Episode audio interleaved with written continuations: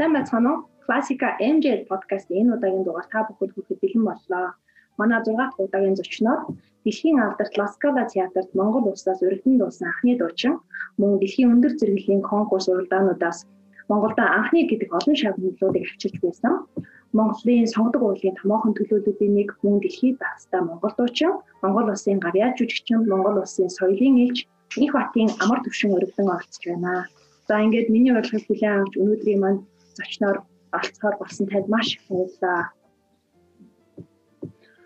За баярлалаа чамд ч гэсэн энэ сайхан сонирхолтой ярилцлагатаа урьж оролцуулсанд бас баярлалаа. За амраа эхлээд өөрийнхөө тухай а товч бөгөөд гэхдээ бас жоохон дэлгэрэнгүй танилцуулбал хаана өсөж төрсөн дээрэс нь хаана хаана ямар сургуулиудад суралцж байна дээрэс нь дараа нь төгсөөд хаана хаана ямар газруудад ажиллаж байсан бэ зэрэгсээ ярил. За намайг энэ хотын амар төвшин гэдэг. За би 1986 онд Сүхбаатар аймгийн Халзан сумд төрсөн. За айлын донд хүүхэд, уран хүүтэй айлын донд хүүхэд тэгээд а Халзан сумын дунд сургуульд 1-р ангид элсэж орсон. За тэгээд 2-р ангиас аймгийн төвийн Сүхбаатар аймгийн 1-р 10 жилийн дунд сургуулийг төгссөн байгаа. За түүнийгээ дараа 2004-өөс 2009 онд Монгол улсын соёл урлагийн их сургуулийг Монгол улсын гавьяат багш Сэрэн билийн ерөө өгшийн удирдлагандор 5 жил суралцж дүүргэсэн соёсыг За тэгээд миний одоо ер нь сурсан сургууль гэвэл одоо ийм л байна. Тэгээд а тэрний дараа одоо 2009 оноос эхлээд 2016 он хүртэл Улсын дөрвж Эрдэнэ театрт гоцлол дуучнаар ажилласан. 7 жил шухуу ажилласан. Тэгээд 16 оноос одоо гадны театруудад олон улсад одоо ингээд дуулаад ажиллаад ингээд явж байна да. Аа. Та түрүү хэллээ шүү дээ 2004-өөс 2009 оны он соёл урлагийн сургууль суралцсан гэж. Яг ингээд бодод үзэх юм бол 2004-өөс 2009 он гэдэг бол Монгол нийтийн дуу яг эд газар авч ирсэн үе шүү дээ. Тэгээд тэр үед бол их хвчлэн ингээд хүмүүс дуучидсан дараа нь ярихдаа жавхлан байсан шинэ одоо дуучин болох гэж одоо Сүйс орж байлаа гэж олон ч хүмүүс ярьдаг тийм. А тэгвэл та яагаад яг дуучин болох болох вэ? Тэгээд дээрэс нь яг цаашлаад ингээд сонголог чиглэлээр бариад яг энэ чиглэлээр цаашаа ингээд тууштай явах танд яг юу нөлөөлөв? За би ер нь одоо хүүхэд байгаас л эхээс төрөхтөл ер нь одоо жоохон дэгсдүүлж ярих юм бол эхээс төрөхтөл ер нь баг дуучин болох гэж төрсөн гэж одоо өөрөө боддог.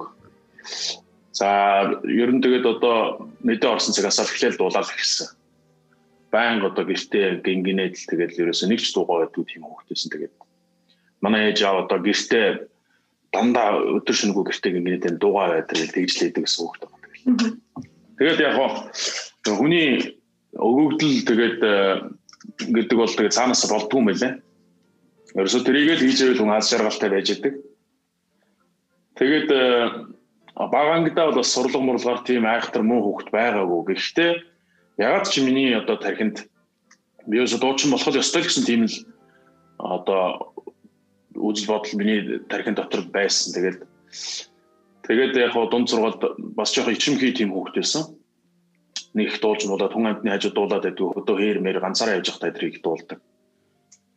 Тэгээд э, нэг 4 5 дугаар ангиас эхлээд дуулж эхэлсэн. Одоо намайг бас жоохон дуулдаг гэдгийг мэдээд манай сургуулийнхын одоо урлагийн янз бүрийн арга хэмжээ дээр оруулж тэгээд ингээд дуулж эхэлсэн. Тэгээд тэрнээс хойш одоо улам эндээ дуртай болоод цаашлаад ерөнхийдөө хичээлдээ жоохон муудаад тэгэл өрдөө урлаг уран сайхан дуу ийм юм хөгөөд л явж хэлсэн. Тэгээд одоо хүүхд байхдаа олон одоо уралдаан тэмцээнд орж улам төрнөөсөө урам авч ингээд 9 дугаар анги төгсөх үедээ ер нь би дуучин болох ёстой л гэдэг тийм ойлголт байсан. Манай ээж аав бол намайг хүүхд байхад ер нь арай нэг жоохон нөгөө хоёроо бодвол гэр орны ажилтсан арай жоохон нямбайд тийм нэг э, учраас эмч болгоно өдр гэж ярьдаг байсан. Тэгээд би ягаад ч ерөөсөө энэгээрээ л явсан. Тэгээд соёл урлагийн сургуульд орно. Тэр одоо жавхлан баясгалан тэр шиг одоо тийм сайхан дуучин алдартай дуучин болно гэжсэн бодолтойгоор ер нь сургууль анх орж ирсэн. Тэгээд яаж тухайн үед хөгжим бүжиг соёл соёл урлагийн сургууль хоёр байсан шүү дээ. Мэргэжлийн дуучдыг бэлддэг газар. Тэгээд соёл ер нь сайн одоо энэ сайн дууч төгсөөд ийнэ гэдэг тийм ойлголттой байжсэн. Тэгээд соёл урлагийн сургуульд орж ирээд одоо дуучин болсон доо. Тэгээд багш нар ирээд анх нь бол тийм бодол одоо жовхон баясгалан шиг дуучин болно гэж орж ирж ирсэн. Тэгээд орж ирээд одоо энэ дуур гэж юм ямар сайхан юм бэ дээ ямар агуу юм бэ дээ гэдгийг сонгодог хөгжим сонгодог урлаг гэж ямар сайхан юм бэ гэдгийг мэдээд тэгэл одоо энэнийхээ төлөө явсан. Тэгээ энэндээ би маш их дуртай байсан учраас ерөөсөө л энэнийхээ төлөө явж ирсэн. Тэгээд яг хаа хүний амьдралын шаардлага тухайн үеийн нийгмийн байдлаас адил шалтгаалаад ер нь их залуучууд манай ангийнхан энэ бол бас нийтийн дуу нөгөө өнөөгийнхөө амьдралынхаа одоо нөхцөл байдал тааруулаад ингээд ихэнх нь бодоо бас тэгээ явсан тохиолдол бас байгаа. Тэгээд тэрийг бас буруут гарга байхгүй. А миний хувьд бол одоо эндээ одоо маш дурлаж одоо гой сайхныг мэдэрсэн учраас энийхээ төлөө тууштай явсан. Тэгээд багш маань ч гэсэн одоо их баярлж ирсэн. Танд одоо ямар нэгэн байдлаар яг э, нөлөөлсөн хүн ч юм уу эсвэл яг нөлөөсөн яг тийм дурлахад ч яг нөлөөсөн хүчин зүйлс юу байсан бэ? Гэхдээ одоо тэр яг багш маань надад ер нь би ер нь өөрөө бас ингээд нөгөө дэлхийн том дуучтай одоо том алдарцуутай улсуудын дуулж байгаа за тэдний дуулж байгаа програм мэдрийг одоо хараад үзээ сонсоод хэдийгээр жоохон одоо залуу хоолойны хувьд ч гэсэн одоо гүйцэд боловсроогүй байсан ч хэлээ би аль болох одоо том тэ гоё сайхан тим партуудыг авч авч дуулахыг өдөр их хүсдэг байсан. Тэгээ энийг маань багш маань ерөөсө хороогүй. За энэ хүүхэд өөрөө юу хүсээд байна, юу өгүүлээд байна, ямар юм сонирхоод байна, энэнийхэн дагуу явуулъя гэдэг ерөнхий тийм зарчмаар л одоо намайг явуулсан багш. Тэгээд харьцангуй бас эрт одоо тэр гоё сайхнуудыг том одоо баартуудыг эрт хийсэн, эрт мэдсэн гэж хэлж болно. За тэгвэл яг дуурийн дуучин гэж яг чухам хин юм бэ? Олон төрлийн дуучтай байгаа шүү дээ. Чухам дуурийн дуучин тэдгээр дуучдаас юугаар яг онцлогтой бас ялгаатай. Дээрээс нь цаашлаад нөгөө сонгодог дотроо хүртэл камерны дуурийн гэдээ ялгаатай төлөв байгаа шүү дээ. Дуучтай хувьд тийм ээ. Тэгэхээр тэр ойлголтын талаар энгийн хүмүүс ч гэсэн бас яг зөв ойлголтыг өгвөл. За дуурийн дуучин гэдэг бол одоо илүү мэрэгсэн. За чадлын одоо чадвар шансааны хувьд илүү өндөр түвшний за хөгжмийн хөгжмөлөг байдлаараач тэр хоолойны цар хүрээ чадлаараач тэр за тэгээд тэр тарих толгой дотроо боловсруулж байгаа бүх зүйлээрээ ч тэр ер нь илүү их ачаал авдаг илүү их одоо хүч шаарддаг хөдөлмөр шаарддаг цаг хугацаа шаарддаг ийм мэрэгжил ер нь үү. За яг хөө зүгээр камерны дуучин өдр гэж дотор нь ялгаад байгаа нь бол яг хуу дэлхийн стандарт гэж нэг юм байдаг. Тэр юу вэ гэхэд дэлхийн том театрууд дэлхийн стандартад дийцтэл дуулна гэдэг бол мэдээж тэрийг үзэх гэж үзэгчд мөнгө төлж ирж байгаа. Тэрийг одоо шүтдэг, биширдэг, сонсдог юм үзэгчд бүр амьдралаа болгоод зорилгоо болгоод ингээд дуурайр амьсгалсан юм үзэгчд одоо дэлхийд дахинд маш их байдаг. Тэгээд яг тэр стандартад нийцэлж дуулах хэрэгтэй. Тэрэн дотор юу багтдаг вэ гэхээр тэр дуучны одоо хүч чадал бусдаас онцгойрох одоо ялгаа тий а чадварын төвшнийг ерөнхийд нь хэлж байгаа гэсэн үг тэр бол а тэгээд том дууруудыг том партуудыг дуулна гэдэг бол мэдээж хэрэг хүчтэй чадaltaй ухаантай ийм хүн одоо дуулж ш тэр төвшөнд нийцж очино тийм учраас мэдээж тайзны хувьд ч гэсэн одоо тэр байгаа объемтэй том театрууд гэдэг нь үнэхээр хэцүүлтэй бас. Тэгээд хамгийн гол үзүүлэлт нь бол ерөөсөө энэ том том дууруудыг энэ бичсэн том том дуурууд, том том бүтээл, том дөрүүдийг гаргахад л ерөөсөө ялгаа нь оршиж. Тэгвэл дуурайн дуучин хүнийг бүрдүүлэхэд авьяас өгөгдөл илүү хувийг эзэлдэггүй эсвэл тууштай, шаргуу байдал, хөдөлмөрч байдлын хүн илүү давуу чанар эзэлдэг. За энэ бол ерөөсөө алийг гээгдүүлж болохгүй ойлголтууд. Мэдээж хэрэг хөссөн болгон одоо сайн дуучин болчих чаддгүй. Мэдээж хэрэг энэ юунд оршиж ийн вэхээр онцгой авиас заяасан байх хэрэгтэй. Хамгийн нэгдүгээрт. Онцгой авиас, онцгой чадвар заяасан байх хэрэгтэй тэр хүнд. Зүгээр хоолой заяагаад а ухаан заяагаагүй бол бас хэцүү. За тэгээд хамгийн нэгдүгээрт маш өндөр төвшний боловсрал хэрэгтэй. За дээрэс нь одоо хангалттай том авиасыг хүн заяасан байх хэрэгтэй. Дээрээс нь өөрөө тэрэндээ зүрх сэтгэлээсээ дорлож тэрнийхээ төлөө тууштай явж зөвхөн энийгээ л хийхин төлөө л амьдрал амьдралаа зориулж ингэж явах. Тэгэл одоо явах хэрэгтэй. Ер нь бол. Тэгэхээр маш том авиас дээр маш их хөдөлмөр төвчээр цаг хугацаа байж л ийм одоо зүйлсийг бүтээн гэж би бодож байна да. Тэгвэл таны хувьд яг дуулна гэж яг юу вэ? Дуулахыг одоо жишээ нь юутай зөвлөх вэ? Дуулна гэдэг бол одоо тэгэл зөвөр миний хувьд бол дуулахгүй байж хизээс чадахгүй. Та яагаад дуулдаг вэ гэж Лужан Павротигоос асуусан байдаг л да нэг сэтгүүлч. Та энэ яагаад дуулдیں۔ тэгээд гисэн чинь би дуулахгүй байж чаддгүй учраас дуул дуулд юм аа гэж хэлж ирсэн. Тэгээд энэ бол би бол одоо дуучин байх гэж төрсөн бол тэргээрээ л явж байгаа. Нэг бодлын бас хязтай, өөрийнхөө сонирхолтой, дуртай цуснд байдаг, зүрх сэтгэлд байдаг энэ юмныхаа төлөө явж байгаа зүйл л дээ.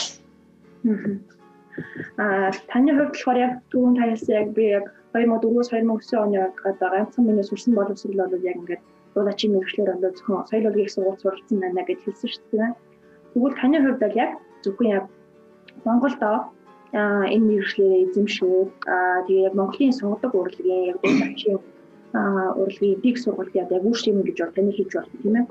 А тэгэхээр одоо Монгол дуучид дэлхийд ингэж амжилттай танигдэж ихний олон театруудад урилдан дуулж ингэж амжилттай явна. Монголын сонгодог урлагийн дуулаач урлагийн дэг сургууль эсвэл багш нарын уур чадвартай холбоотой байна уу? Эсвэл хүн бүрийн нөгөө өөртөө өгцөө өгдөл авиас чадвар хичээл зүтгэлийн үр дүнгээс хамаарат бас харилцан адилгүй байгаад байна. А дээрэс нь та бас Монголын одоо энэ дуурайн дуулаачийн школ буюу сургалтын дэг шүү дээ тэрний талаар онцлогийг ярил. За яг ер нь бол зөвөр бүр уул үндсээр нь аваад ярих юм бол одоо Монгол улсад яг дуурийн урлаг, сонгодог урлаг гэдэг зүйл үүсээд хөгжөөд нэг 60 жил болж байна тийм За тэрнээс үүдээд алтан үеийнх гэж ярьдаг шүү дээ манайхан. Одоо тэр анх Монгол сонгодог урлаг одоо үүсч бий болж дуурин театртай болж ингэж ирсэн цагтай одоо зэрэгцээд манайд одоо маш гайхамшигтай авьяастай гайхалтай чадaltaй чадвартай юм уран бүтээлч тухайн үед байсан. Одоо ингээд эргээд харахад за дэлхийн нийтдээ дэлхийн жишгтэй ингээд харьцуулаад үзэхээр тэдний төвшин бол үнэхээр гайхамшигтай байсан гэж би 100% хэлж чадна. Ялангуяа одоо өөрийнхөө төрөл дээр аваад үзэхдээ дуучдын хувьд. За тэгээд хөгжмийн зохиолчд одоо юу гэдэг те хөгжмийн одоо том том мастерууд энэ том хүмүүсүүд ч гэсэн зөндөө байна шүү дээ. За дуулаач дээр гээд аваад үзэхэд л Монгол улсын ардын жишин бүрд орж байгаа. Ардын жишин урт насангуй. Ардын жишин хавлаашгүй За Монгол Улсын гавьччин Баяндугай, Монгол Улсын ардын жижигчин загт сурунгуй энэ гайхамшигтай улсууд бол одоо жаргал сайхан гой маань байна. Энэ агуу гайхамшигтай улсуудыг ингээд хараад үзээд харьцуулаад сонсоод үзэхдээ тэр үед бол үнэхээр үнэхээр дэлхийн түвшинд байсан юм байна гэдэг нь харагдаж байна. За тэрний дараа үед гэсэн одоо нийгмийн байдал айгүй хэцүү он цагийг бас нэг хэсэг туулсан тийм. А тэрний дараа үед гэсэн энэ театрыг одоо нураачихгүй, хаачихгүй ингээд уран бүтээлийн сан үргэлж ингээд цаашаа үргэлжлээд ингээд явуулж исэн тэр гайхамшигтай асуудал байна л да одоо одоо тийм баатрууд зөндөө байна шүү дээ. Тэгээ манай ардын жишгч явцсан дулмуугаас эхлээд л Монгол улсын гавь жишгч дамдын сүрэн гэдэг гэл яг тэр дараа үеийн дашбилжээ гой, долгооргой ингээд дараа үеийн агуу улсууд бас байна. За тэгвэл миний одоо хамгийн их онцолж авч хамгийн их одоо үнэлэмжтэй ханддаг нь бол алтан үеийнх гэж хэлж чадна 100%. За тэгээд тэрнээс хойш одоо олон дуучтай бүгдийг нэрлүүл одоо цаг хугацаа өгөхгүй. Аа тэгээд тун удахгүй ингээд бидний үе залгаад ингээд ирсэн. Ер нь бол яг хуу манай монголчууд бол авиастай хоолой их сайхантай. За ялангуяа одоо жоохон доод талын бариглийн бүдүүн хоолойтой улсууд бол мэдээж одоо цаг уурын онцлог, бүсийн онцлог байна. А идэж ууж байгаа зүйл тэгээд энэ бүх юм бол бас их нөлөөлдөг байх гэж би боддتي. Аа. Тийм. За тэгээд дээрэс нь одоо манайд чинь бас дээх нь үедээ л одоо сургалт мурд анх дээр үеэс эхлээд сургалтын чанар манар бол үнэхээр мундаг байсан харагдаж байгаа. Одоо тэр улсууд ч л одоо бидний багш нар эхнээсээ ингээ зарим нь байхгүй болоод одоо цөөхөн хүмүүлдсэн байна шүү дээ. Энэ улсуудын л үргэлжлэл ингээд яваад байгаа байхгүй. Гэхдээ яг хуу а социалист нийгмийн үед хаагдмал боогдмал ийм одоо үе байлаа шүү дээ. Тэгээд хэрвээ тийм биш бол Монголын дуучид тэр анх одоо алтан үеэс эхлээд гадагшаад төшөө гарах авиас нэгдэх гадаад зах зээлд одоо гарч ажиллах ийм одоо боломж олцсон зөндөө байсан гэж би боддог. За одоо бол одоо бүх юмыг хаанаас ч олоод ухаад үзээд хараад мэдээд ингээд авчих боломжтой болсон учраас одоо бол залуучуудын дуучдын өөрсдийнх нь хичээн хичээл чармайлт энэ зүйл одоо нөлөөлнө. Аа гэхдээ ерөнхийдөө одоо шууд өнөөдөр гараад дуулчин болчин явчин гэсэн юм бол биш үг бол биш. Энд бол одоо маш их хөдөлмөр, маш их авьяас, маш өндөр төвшин байж ич гадны зах зээлд гадаадын хэнтэй а дэлхийн төвшнийхэнтэй одоо зэрэгсэж ингэж ажиллана гэсэн үг байхгүй. Тэгэхээр одоо бол ямар нэгэн агенттэй ч юм уу ямар нэгэн театрт очиж сонсоход ямар нэгэн уралдаанд ороход бол ямар саад бэрхшээл байхгүй болчихсон шүү. Тэгэхээр энэ бол ерөөсөө хүн бүрийн өөрийн хүчин чармайлтаас шалтгааллах зүйл. За манай сургалт бол яг хоо ерөнхийдөө одоо дээр үеийнхэн бидний одоо өмнө үеийн тэр одоо дэг сургуулаар ингэж явж ирж байгаа. Одоо тэгэхээр манайхан бол ер нь одоо оны төвшөнд ирэхийн тулд бол дэлхийн нийтийг үзэж харж судалж сонсож харьцуулж ингэж явах шаардлагатай. Ялангуяа школын хувьд бол яг Итали школ гэдэг бол арай бас ондоо хөөр тустай юм.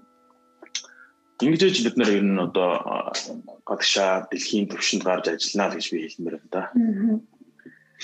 За хоёлоо одоо ярианыхаа сэдвийг жоохон таны нөгөө оролцож исэн конкурс уралдаануудын талаар сэдв өгөөрэй. Аа нөгөө анхны оролцож исэн томоохон уралдаануудынхаа тухай тэгээд яг тэр анх тийм том уралдаанд зориглож орох тэр нөгөө сэдвийг хөшүүрг нь яг хэн болж одоо яг хаанаас энэ зориг одоо гарч байна. Дээрэс нь тухайн үе тэр том конкурсанд бэлдэх хугацаа хэр хугацааг зарцуул байна. Мөн тэгээд тэр үеийн нөгөө сэтгэл зүг хэрхэн бэлтгэж байна. За яг хөө тэгээд би түрүү хэлсэн те хүн өөрөө л одоо хязгааргүй хүсэл мөрөөдөлтөй энийхээ төлөө явъя гэсэн чинь зүтгэл сэтгэл зүтгэл байх юм тэгээд ингээд нөө явах ёстой замаараа ингээд явчихдаг охно шүү дээ тий. Эргэлт буцалтгүй энийхээ төлөө аль хаа нэг гарцсаа гаргалгаа юу байна тэрийг хайгаад л ингээд явдаг байх юм. Тэгэхээр яг нь би бол анх дөнгөж соёл урлагийн сургуулийг төгсөөд Монголд нэг 2 3 уралдаанд орж ирсэн анх. Манай одоо учиртай хуримтлахад дөрийн шилдэг дөрийн уралдаан гэж болдог шүү дээ. Тэрэнд анх орж илаа. Би чи дөнгөж 2 дугаар курст байсан. Тэгээд тэрэнд 2 дугаар байр эзэлсэн. Аа дараа нь одоо Ичи орлоо огшин дэрэмжт уралдаан гэж болсон юм. Тэр уралдаанд бас нэг 2 дугаар байр эзлээд. Тэгэл ерөнхийдөө одоо бас нэг боломж болцоо шанс байгаа юм байна гэдэг тийм ойлголт өөртөө авсан.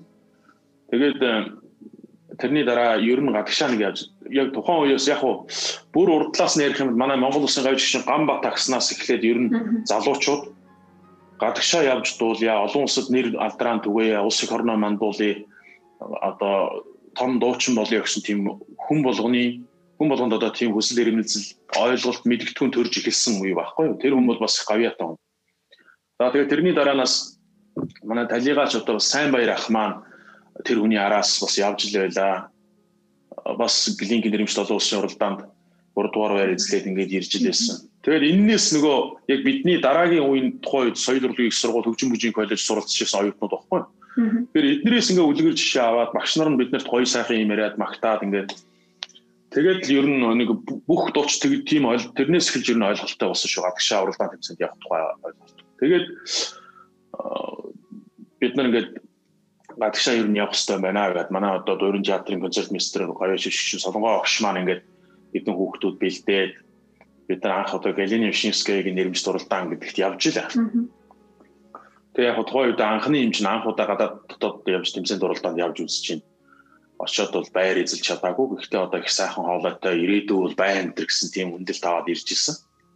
Тэгээ эндээс ер нь уралдаан тэмцээнд авах гэсэн. Тэгээ дараа нь Парис нэг конкурсанд очоод бас байр эзэлж чадаагүй. Тэгээд яг тухайн үед бол хоёр дахь оролдоод нэг жоохон тэгсэн болохоор ер нь хэцүү юм биш үү бас тийм амар олдчих хоол биш вэ гэдэг тийм ойлголт төрсөн. Тэгэхээр хүн улам хичээж улам боловсрч улам одоо цаашаа явах тийм хүслэр үнсэл бас төрж байгаа юм. Тэгээд тэрний дараа би манай Оросын холбооны улсын Борет улсын улаан удахтад болсон Байкал гэж том уралдаан болсон. Тухайн үед бол одоо бас биднэрт бол их том уралдаан санагдчихсан. Тэгээд олон улсын маш өндөр шагналтай ийм уралдаанд очиод тэгээд би 11 онд ч тэр чи одоо төгснөөс хойш 2 жилийн дараа очиж одоо төрүүлжсэн тэр уралдаан. За тэгээд тэр уралдаанаас эхлээд ер нь бол би бол олон улсад дэлхийд уралдаж болох юм байна гэсэн тийм одоо ойлголттой болсон доо. За тэгээд тэрний дараа шууд тэр хавраа Оросын холбооны улсын Санкт Петербург болсон Чайковский нэрмжт олон улсын дөрийн дуулаач уралдаанд очиж 2 дугаар байрыг үзэгчдийн нэрмж шагналтай даваад ирж илаа Монголдо. Аа. Тэгэл энэний дараа эренгүүд одоо төрс маань үнэлж Монгол улсын гавьяа жишгэн гэдэг цолыг надад хайрлаж Тэгээд одоо хөл маань газар хөрөхгүй ер нь гайхаж жоохон тийм шоконд орж гинт ирдэг юм амжилт одоо нэр алдар гэж байдаг үгүй юу гэсэн тийм бодол их төрж исэн. Тэгээд тухайн үед одоо хамгийн том уралдаан хамгийн би бол ер нь оргилд нь хөрчлээ гэдэг тийм нэг бодолтой нөхөрлөөр нь яваад байсан. Тэгээ энэс улам одоо хүний уран бүтээлийн шунал гэдэг нь барагдахгүй.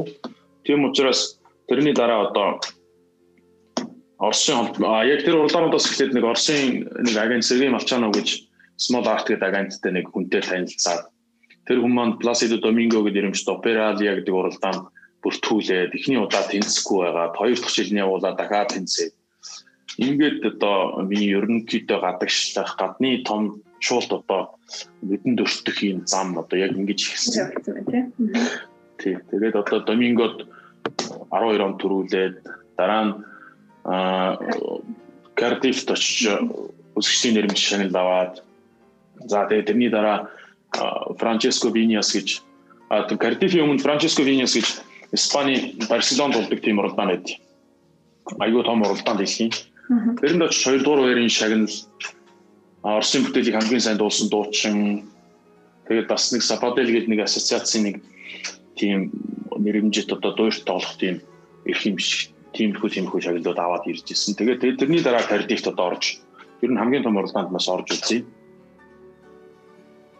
Кардифт очиж оролцсон.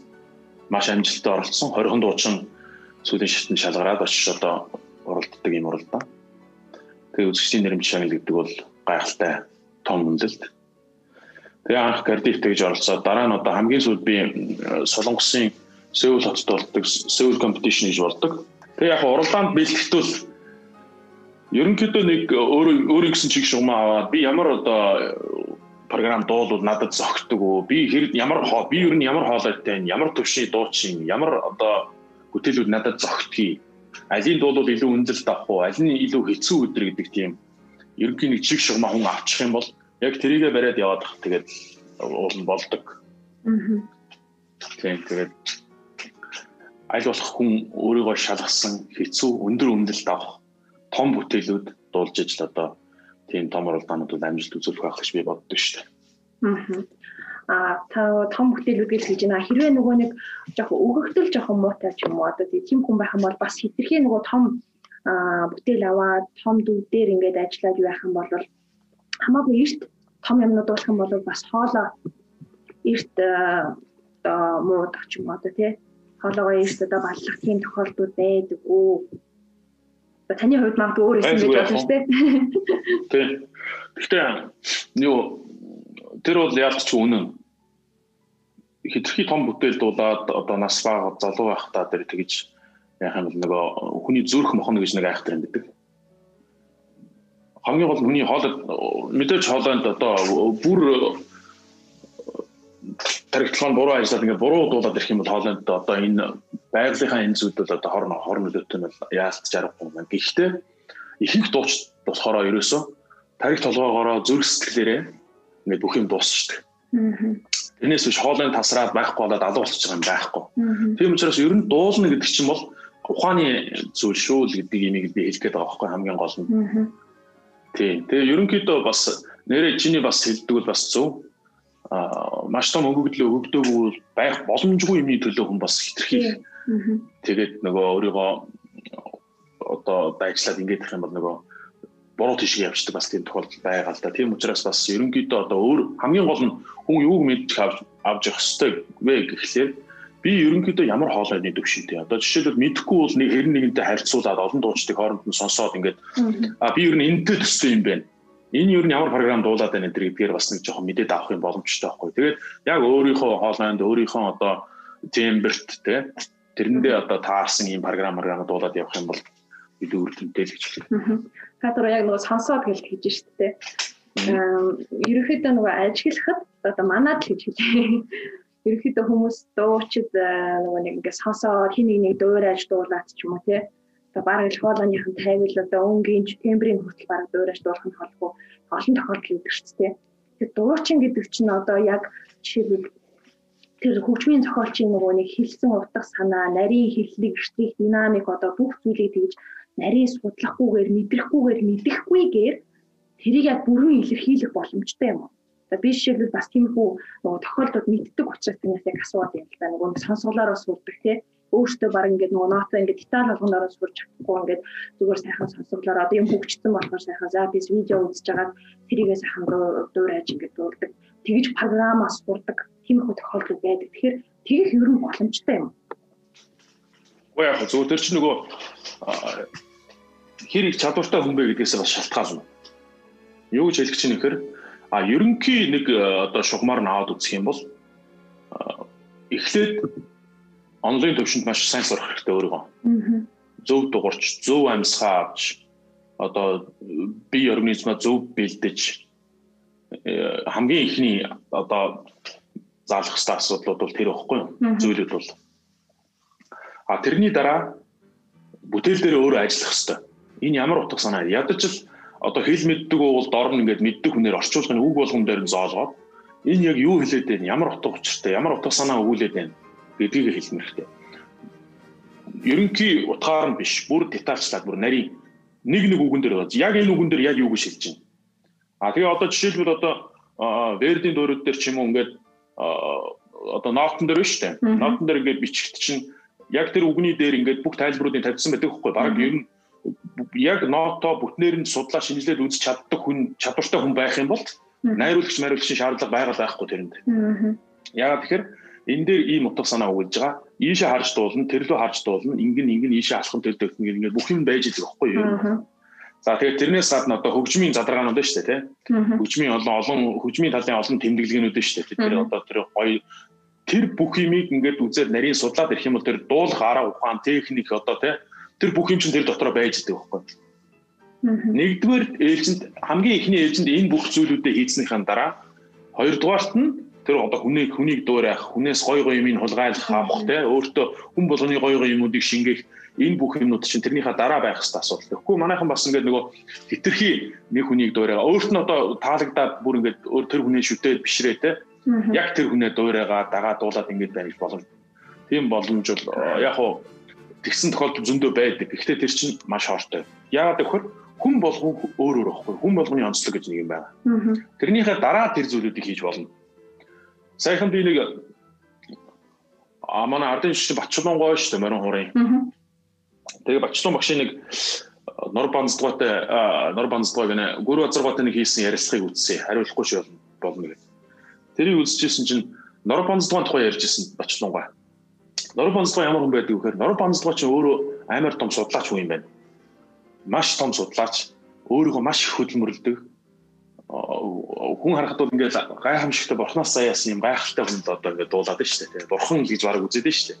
Гэтэл тэр хүн тийм юм байгаад ч гэлээ өөрөө маш их хөдөлмөрлөж иж тэр бүхнийг олж авсан байгаа байхгүй.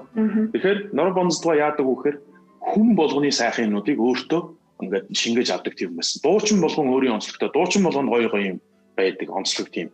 тэр болгоныг өөртөө шингээж аваад тэгээ тэрийгээд өөртөө ингээд хоногшуулж, суурьшуулж ингэж боловсруулж ингэж хүний имийг авдаг байсан баггүй. Тэр чинь тэр том дуучин гайхалтай хүн болсныхоо дараа тэр зүйлүүдийг хийж штэ тий. Тэр яг ийм зарчмаар ивэш явах хэвээр. Та түрүү хэлсэн штэ нөгөө нэг өөртөө ихлээр нөгөө онлын мэдлэг мэдгэдэггүйнээ сайн сурах хэрэгтэй гэдэг үгчтэй. А тэгвэл яг гадны дурчтай харьцуулахад одоо манай сургуулийн хугацаа чинь 4-5 жилийн хугацаа дээ. Дөрөнд орчим бэлтгэх хугацаа бол тийм үү. А тэгэнгүүт ихэвчлэн охтын одоо хөгжмийн мэдгэдэггүйнгөө одоо охтын суур боловсралгүй хүмүүс шууд орж ирж байгаа шүү дээ тийм үү. А тэгэхээр яг нөгөө нэг тэр 4-5 жилийн хугацаанд тийм сайн онлайн мэдгэдэггүй аваад хангалттай сайн боловсрох тийм хугацаа мөн үү? Уу яг зөвөр хүн сурыг гэж хичээх юм бол тэрэнд бол сурж хангалттай хэмжинэ. Яг хөө гэхдээ ер нь бол ямар ч байсан ингээд нэг хараад слэстаа уншчихдаг те. Ингээд нэг ноото тавиад өөрөө нэг ингээд яг тоглоод чадахгүй ч гэсэн нэг ингээд тоншоод сурчдаг те. Яг ингээд нэг мелодиг ингээд тоншчихдаг өөрөө те. Тэгээ гаргацдаг төвшний байх хэрэгтэй байхгүй. Одоо жишээлбэл би өөрөө яаж шин дүүрийг яаж хийдэг вэ гэхээр яг олон жил олон жил ч гэжтэй одоо нэг хэдэн жил ингээд бас дуулаад яваад ингээд нэг олон дуур шахуу хийгээд ирэхээр нөгөө бас нэг сурах арга барилаа ингээд олчдөг байхгүй. Аа хэлбэр болоод ирчдэг гэсэн үг шүү дээ. Тэр нь яаж юм гэхээр ингээд зүгээр би аяа өөрөө ингээд төгөлдөр хурдаар нэг 7 он юм уу за цаатл нь маань 10 хоног ч юм уу ингээд нэг 200 хэдэн уцтай 300 уцтай дөөр байлаа гэж бодсон шүү дээ. Тэгэхээр тэрийг нэг 7 хоног юм 10 хоног ингээд бүр яг суужгаад өөрөө тоншдог байхгүй. Тоншид сурахын одоо давуу тал дээр байхгүй. Тоншид сурсныхаа дараа сонсох хэрэгтэй байхгүй Аа хэрвээ чи өөрөө өөрийн гэсэн одоо вокал дуулах одоо арга техникээ сурцсан бол тэр том мастеруудыг сонсоод ингээд хурдан хэмжээнд сурах ийм одоо боломжтой болно гэсэн. За тэгээд э, ер нь бол гадны дуулчдыг ингээд аваад үзэхдээ үнэхээр өндөр боловсралтай байдаг. Бүгд одоо урд нь хөгжимчин байсан, төгөлдөр хуурч байсан юм уу? Эсвэл одоо үлээр хөгжим үлээдэгч байсан юм уу, хийл тоглогч байсан юм уу? Дандаа тийм боловсролтой осоод байдаг байхгүй дуучдыг харах. Тэгэд яг нь ер нь бол эдгээр 5 жилч гэлээ манайхан ч юм бол одоо ихэнх нэг 18 нас хүрээд л оюутан болоод орж ирж байгаа асуудал шүү дээ. Тэгээ 5 жил дотор хэрвээ хүн чин хүсэл эрмэлзэл тэмүүлэл байх юм бол тэрийг л сурж болохгүй гэсэн байхгүй шүү дээ ер нь бол. За одоо хоёул ярианыхаа сэдвийг нөгөө нэг гадаадын театруудад та маш олон одоо ингээ өргөдөж ажиллаж байгаа. За ингээ сүүлд бол бараг сарын өмнө ингээ дэлхийн алдартай тайз болох Ласкалад ингээ өргөдөд дуулсан. Тэгэхээр ингээ яаж энэ нөгөө үүр хаалга гарцууд ингэж нээгдэж байна вэ? Тэгээ дээрэс нь нөгөө дэлхийн стандарт гэж байгаа шүү дээ. Тэгээд нөгөө нэг дүрийн сонгон шалгаруултыг хэрхэн хийгээд байгаа. Дээрэс нь нөгөө нэг шаардлагууд нь ямар шаардлагууд байдаг.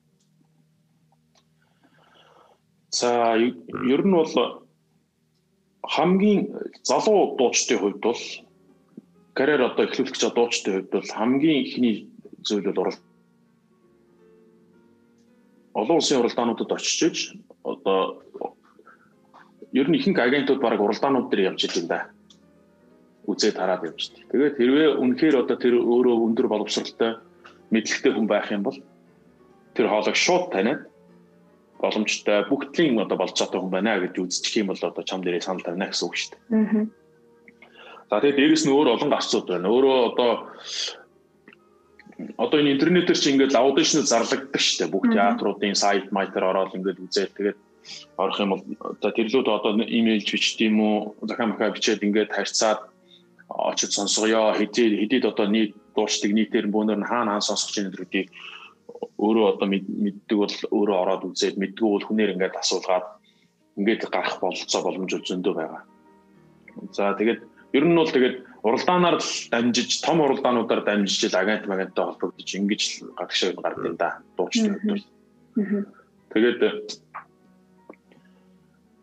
м тэгээд яг нь ер нь бол нэг одоо хамгийн гол нь нэг ямар нэгэн агенттай холбогдоод ингээд холбоо эхлэхэд тогтоочих юм бол тэр агент чинь ингээд амар зуучлаад за тэнд нэг тэр хотод нэг оны тэдэн сард тийм нэг сонсгол байгаа шүү чи бэлдээрээ За хэрвээ очиод тэгээд яг тэрэн дээр нь очиод сонсоод үзэх юм бол таалагдлаа бол театрууд шууд аваад ингээл гэрээ байгуулад ажилладаг байхгүй. Тэгэхээр одоо гадны театрууд яаж ажиллаж байна гэхээр альбан ёсны одоо гоцлол дуучны оронтоо гэдэг зүйл ер нь байдгүй.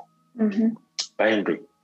Тэд нар яагаад ингээд сонгон шалгаруулад аудишн зарлаад байна вэ гэхээр дүрдээ тохирох Аа тэгээд одоо дэлхийн төвшөнд нийц өөрсдөө одоо тэндээс ашиг олох зах зээлтэй одоо нийцүүлэх ийм дуучдыг хайж идэг байхгүй. Аа яг одоо хуучин социализмын үед бол одоо манай Орос тэгээд Казахстан тэгээд хуучин нөгөө соцорнууд байдаг шүү дээ. Тийм орнууд байнгын ажиллагаатай театртай байнгын одоо орон тооны дуучид тийм байдаг гэсэн болохоос биш. Одооний ер нь Европ, тэгээд Америк, Австрали ийшээгээ бол дандаа сонгон шалгуулалтаар гоцол дуучдыг тэгж авдаг. Тийм зарчмаар байдаг. Балетын гоцлоочдыг шдэр адилхан. А оркестр, хоор, найр дуучид бол яг орон тооны ажилчтан жилэн байж байгаа байхгүй. А тэнд одоо сонгон шалгуулалтаар гэрээний дагуу богино хугацааны гэрээний дугаар ажилладаг улсууд нь ямар улсууд байдаг вэ гэхээр гоцол дуучид байна, удирдаач байна, найруулагч байна. Аа. Ингэж ажилладаг. Аа. Ласкалагийн талаар нэгэн жоохон дэлгэрэнгүй ярил.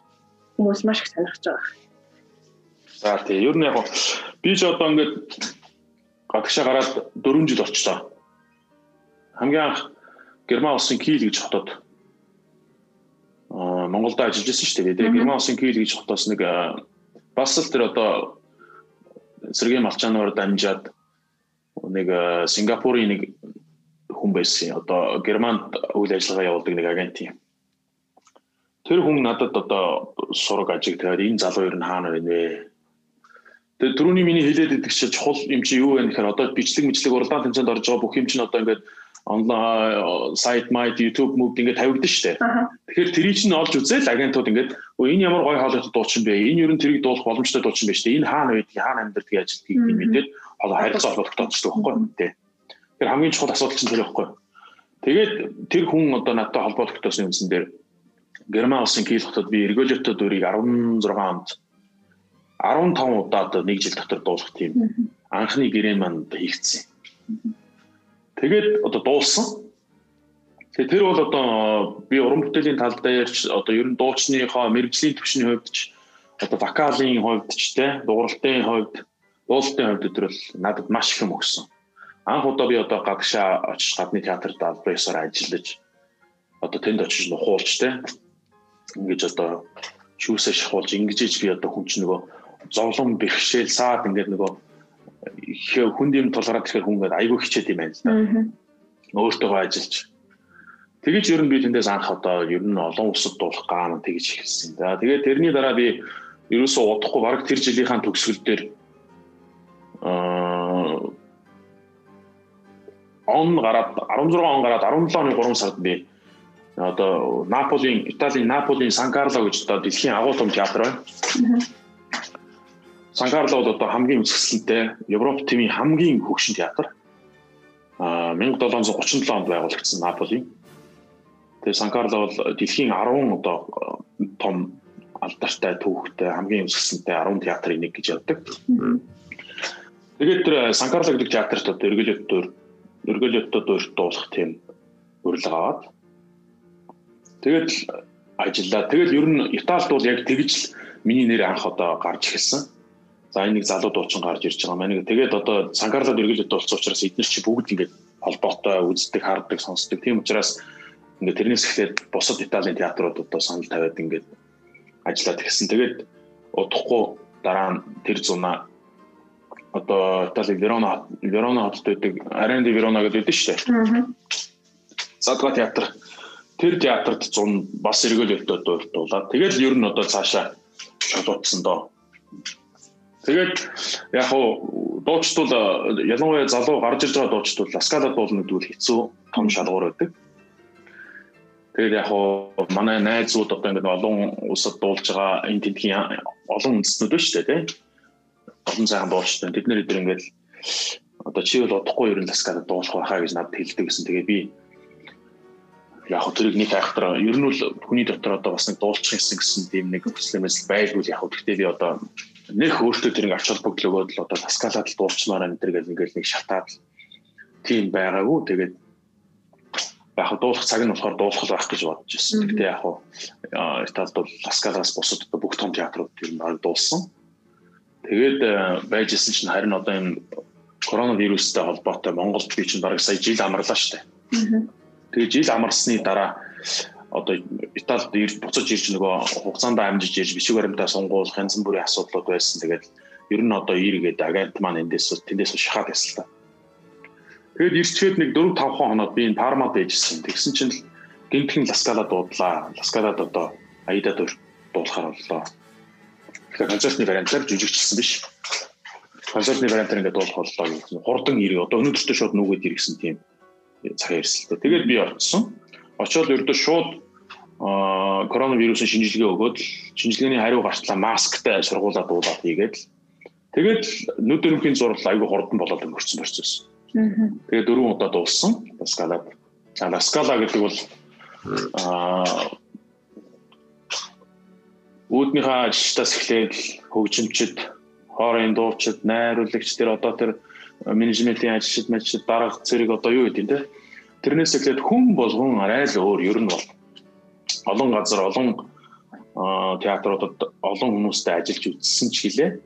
Бас нэг арай л өөр төвшний юм байна гэдгийг би ойлгосон. За мэдээж уран бүтээлийн уран бүтээлчдийн чанарын төвшин бол одоо яриад байх зүйл биш тэр бол тий. Гайхамшигтай оркестр, хоор, за тэр найрал дууны багш тэгээд одоо тэр өдөрдөж байгаа улсууд хамт дуулж байгаа улсууд тэр бол одоо дэлхийн топууд. Аа Тэгээ энэ гайхалтай театрт одоо харьцангуй бас хурдан дууллаа гэж би өөрөө хувьдаа ойлгож байна. Аа. Над руу хэллээ шүү дээ нөгөө яг энэ хүнд хэцүү юм үед очихоор хүн өөрийгөө аягүйхтай ажилтны юм гэдэг тийм. Тэгвэл яг одоо энэ гадны театруудад гадны хэл дээр гадаад хүмүүстэй ингэж ажиллахад ер нь хүндрэлтэй бэрхшээлтэй зүйл нь танд яг юу гэдэг вэ?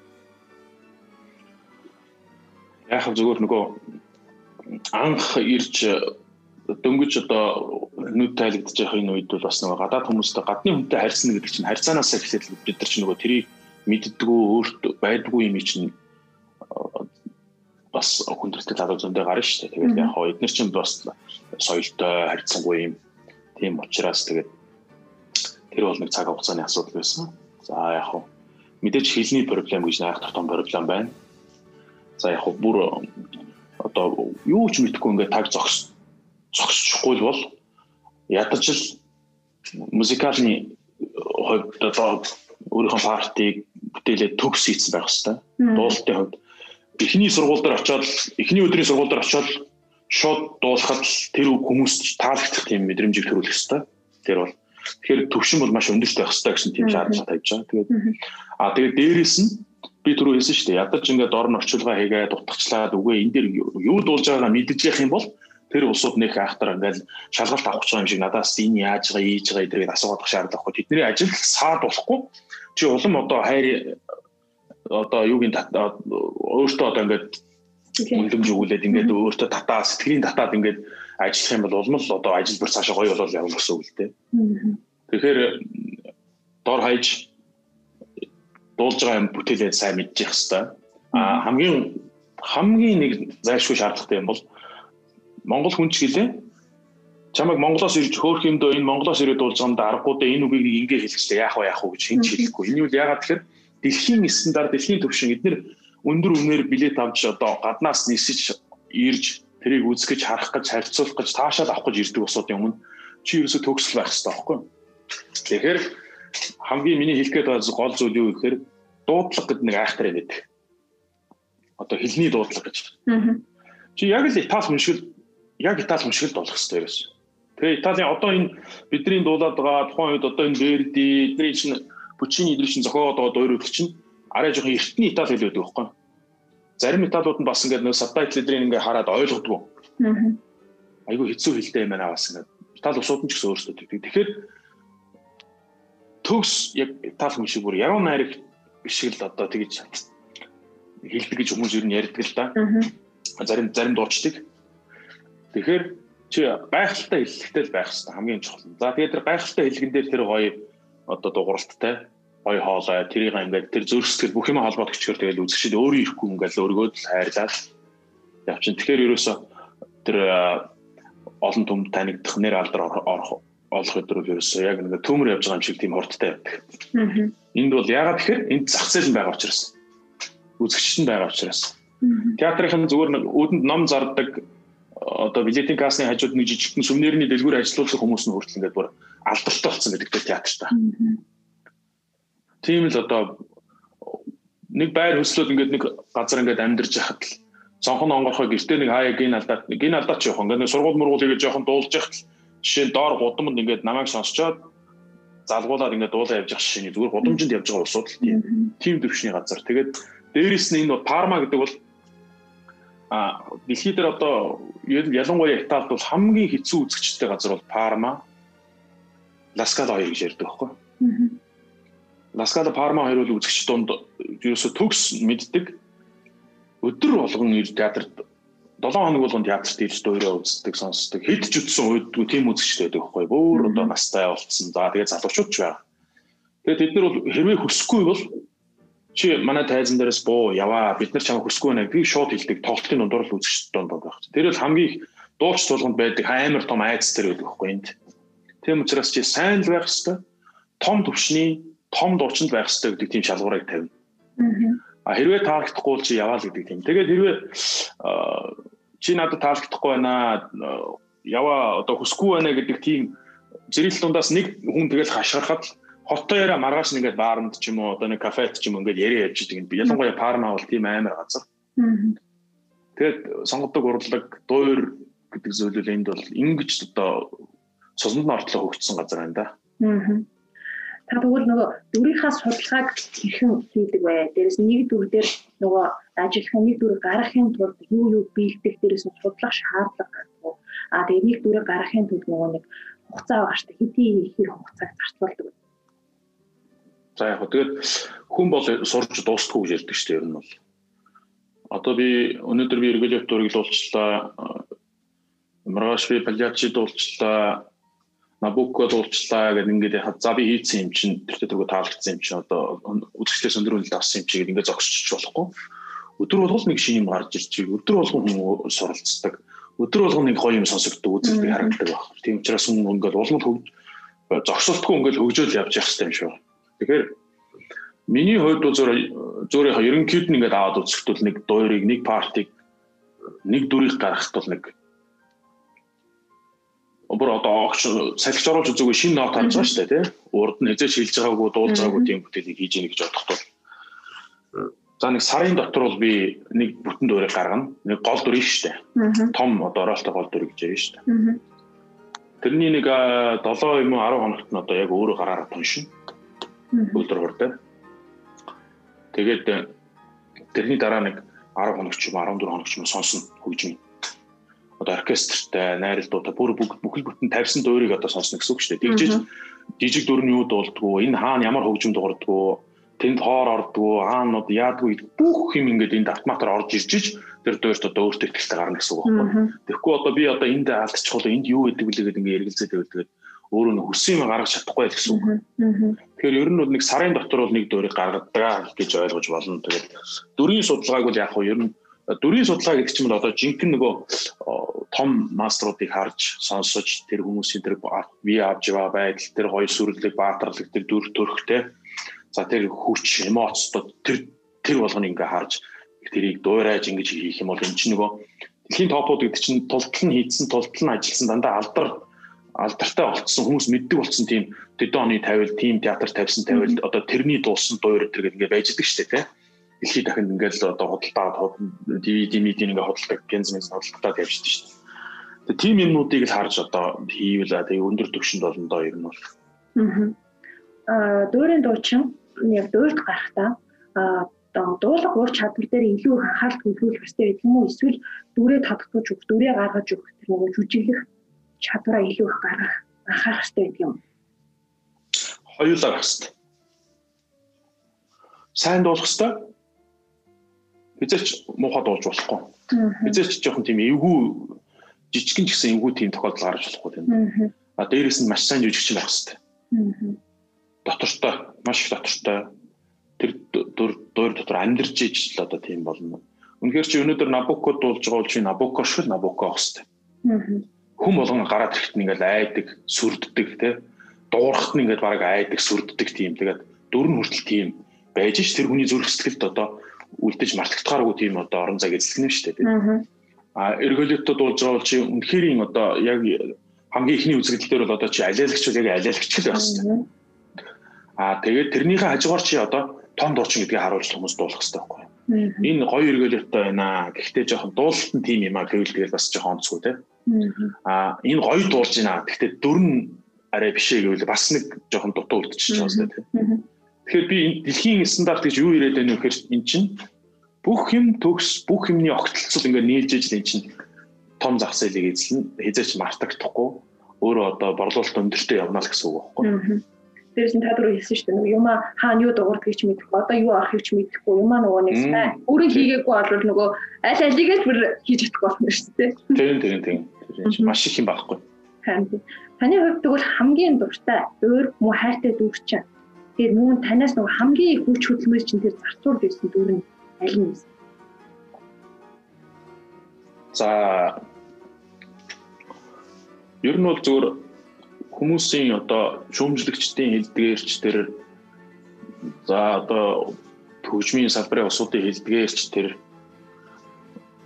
тэг өөрөө ч гэсэн одоо өөрийн гэсэн бас бодол байна шүү дээ тий. Тэрнийхээ хувьд бол яг миний хоолойг бол яг Вердийн хоолой гэж ярьдаг байхгүй? Вердийн баритон гэж ярьдаг. Вердийн баритон одоо тэ Вагнерийн сопрано гэдэг шиг тий. Аа. Яг тэр Вердийн баритон гэж ярьдаг байхгүй. Тэгэхээр яаж юм гэхээр би Вердийн бүх дөөрүүдийг бүх бүтээлүүдийг баритоных нь бүх партийг дуулахад надад одоо ихтэйхэн байна л гэсэн үг байхгүй. Аа тийм. Тийм учраас яг тэр нэгэ хэлчихвэл одоо бас ингээд бүгдийг хэлчихмээр санагдаад байна тийм. Яг хоо миний одоо хамгийн хэцүү дуулаачийн хувьд дуучин хүнээс одоо бүхэл бүтэн 3 цаг дуулаад ингээд дуур дуусах хамгийн их ур чадвар хамгийн хэцүү хамгийн ухаан төвчээр жоохон олон хоногийн форум хөдөлмөр шаарддаг дуур бол эргүүлээд доо. Аа. Яагаад вөхөр эн чинь аа бас нэгэн бяд суусан хойноо басны онцлог дээр шаардлагатай юм дөр дөр واخгүй ер нь бол. За тэгээд хамгийн одоо хайртай дөрүүдийн маань нэг бол Набоко гэж дөрүү байдаг. Набуко дүрийн энэ бол одоо ягаад чинь одоо тэг Монгол хүн баатарлаг тэгээд нэг дайнч тулаанч те Тэгээд дээрэс нь зөвхөн тэр нэг одоо харгас хэрцгий том дайчин тулаанч тийм сүртэй сүрлэг амтнараа байгаа тахгүй. Шорон оронд орн тэгээд зовлон зүтгүүр үзнэ бурхны хэсгээл хүртэн уйлн хайлн гуйн хоригдл болно хаан болно гэдэг амар сонирхолтой юм гоё дөрөв байдаг байхгүй. А зөвөр миний өөрөө дуулах дуртай ганцхан удаа дуулсан нэг дөрөв. Ер нь дээрлийг арай өөрийнхөө стилээс арай өөрчилж бичсэн тийм дөөр гэж ярьдیں۔ Симон Боконегра гэж дөөр байдаг шүү дээ аюу гоё. Тэгээд Симон одоо гол дүр нөхгүй баритон. Тэгээд дуулалтын хувьд хөгжмийн хувьд гайхамшигтай гоё хөгжмөнтэй. Ийм дуур. Тэгээд би энэ дуурийг дахиж дуулмаар санагддаг. Тэгээд яг одоохондоо бол эргэж одоо яг энэ дуурийн саналууд надад орж ирээгүй байна. Би 18 онд Санкарлод одоо анхны тоглолтоо хийсэн Симон Боконегэр. Тэгээд дуучнаас бас ур чадвар их гоё гоё юмнуудыг шаарддаг тийм дүрлэлтэй. Аа За тэгээд Эрнани гэж одоо бас үнэхээр гайхамшигтай хөгжимтэй дуур байна. Вердиг. Олон дөрүүд байна доо. Trovatore, La Traviata тэгээд зөндөл байна. Аида. Вердигийн бүтээлүүд бол дуу дуус. Аа. Тэгээд дээрэс нь бас Пучинигээс Тоског бас нэг хаяад болж байна. Пучини бол надад бас жоохон хэцүү санагддаг ер нь өөрийн хувьд бол. Аа За тэгэл одоо өөр дуурууд одоо Палиачи дуулж байна. А Cavalleria Rustica на одоо шинээр хийгээд ингээд явж байна. Тэгэл цаашаа La Forza del Destino Umbal Mascara гэдэргээл одоо хийгүүд дуурууд аюул олон байна сандууд ороод байна. Macbeth гэж одоо гайхалтай дуур байна. Маш хэцүү. Маш их драматай. Үнэхээр тэр хөгжим тэр гол баритоных нь айрын идрүүд одоо үнэхээр алдартай тийм гайхамшигтай сайхан бүтээл байна да. Аа гадны театрууд ерөнхийдөө нөгөө хөрөнгө мөнгө санхүү ивент тэтгэл эдгээрүүдээ яг хийхэн одоо зохицуулдаг юм бэ. Яг би энэ асуултыг асууж байгаа нөхөр манай Монголд бол ерөнхийдөө урлагийн байгууллагууд маань дандаа нөгөө төсвийн байгууллагууд гарсан мэ. Тэгэхээр нөгөө төсөн мөнгөндөө тааруулж л одоо уран бүтээлээ төөрөх хийхээс өөр биднэрт бол одоо сонголт байхгүй байгаа тийм үү. Тэгэхээр нөгөө дэлхийн стандарт гэж яриад байгаа гадны театрууд маань том театрууд маань ер нь гадны театрууд яг энийг эрхэн зохицуулсан. А дээрэс нь дараагийн юм нь юу байгаа гэхээр одоо яг танаас эхлүүлээд одоо ер нь олон дуучид ингээл гадны театруудад өрөвдөд ажиллаад ингээд явж байгаа юм уу. Тэгэхээр ингээд уран бүтээлчид ингээд авьяастай боломжтой хүмүүс маань ингээд гол зүрхээрээ ингээд өөр өөртөө болгоод ингээд дан ганцаараа ингээд яваад ах хэвээр мүү эсвэл бид нарт одоо ямар нэгэн тусгай бодлого одоо энд явагдах хэвээр юм.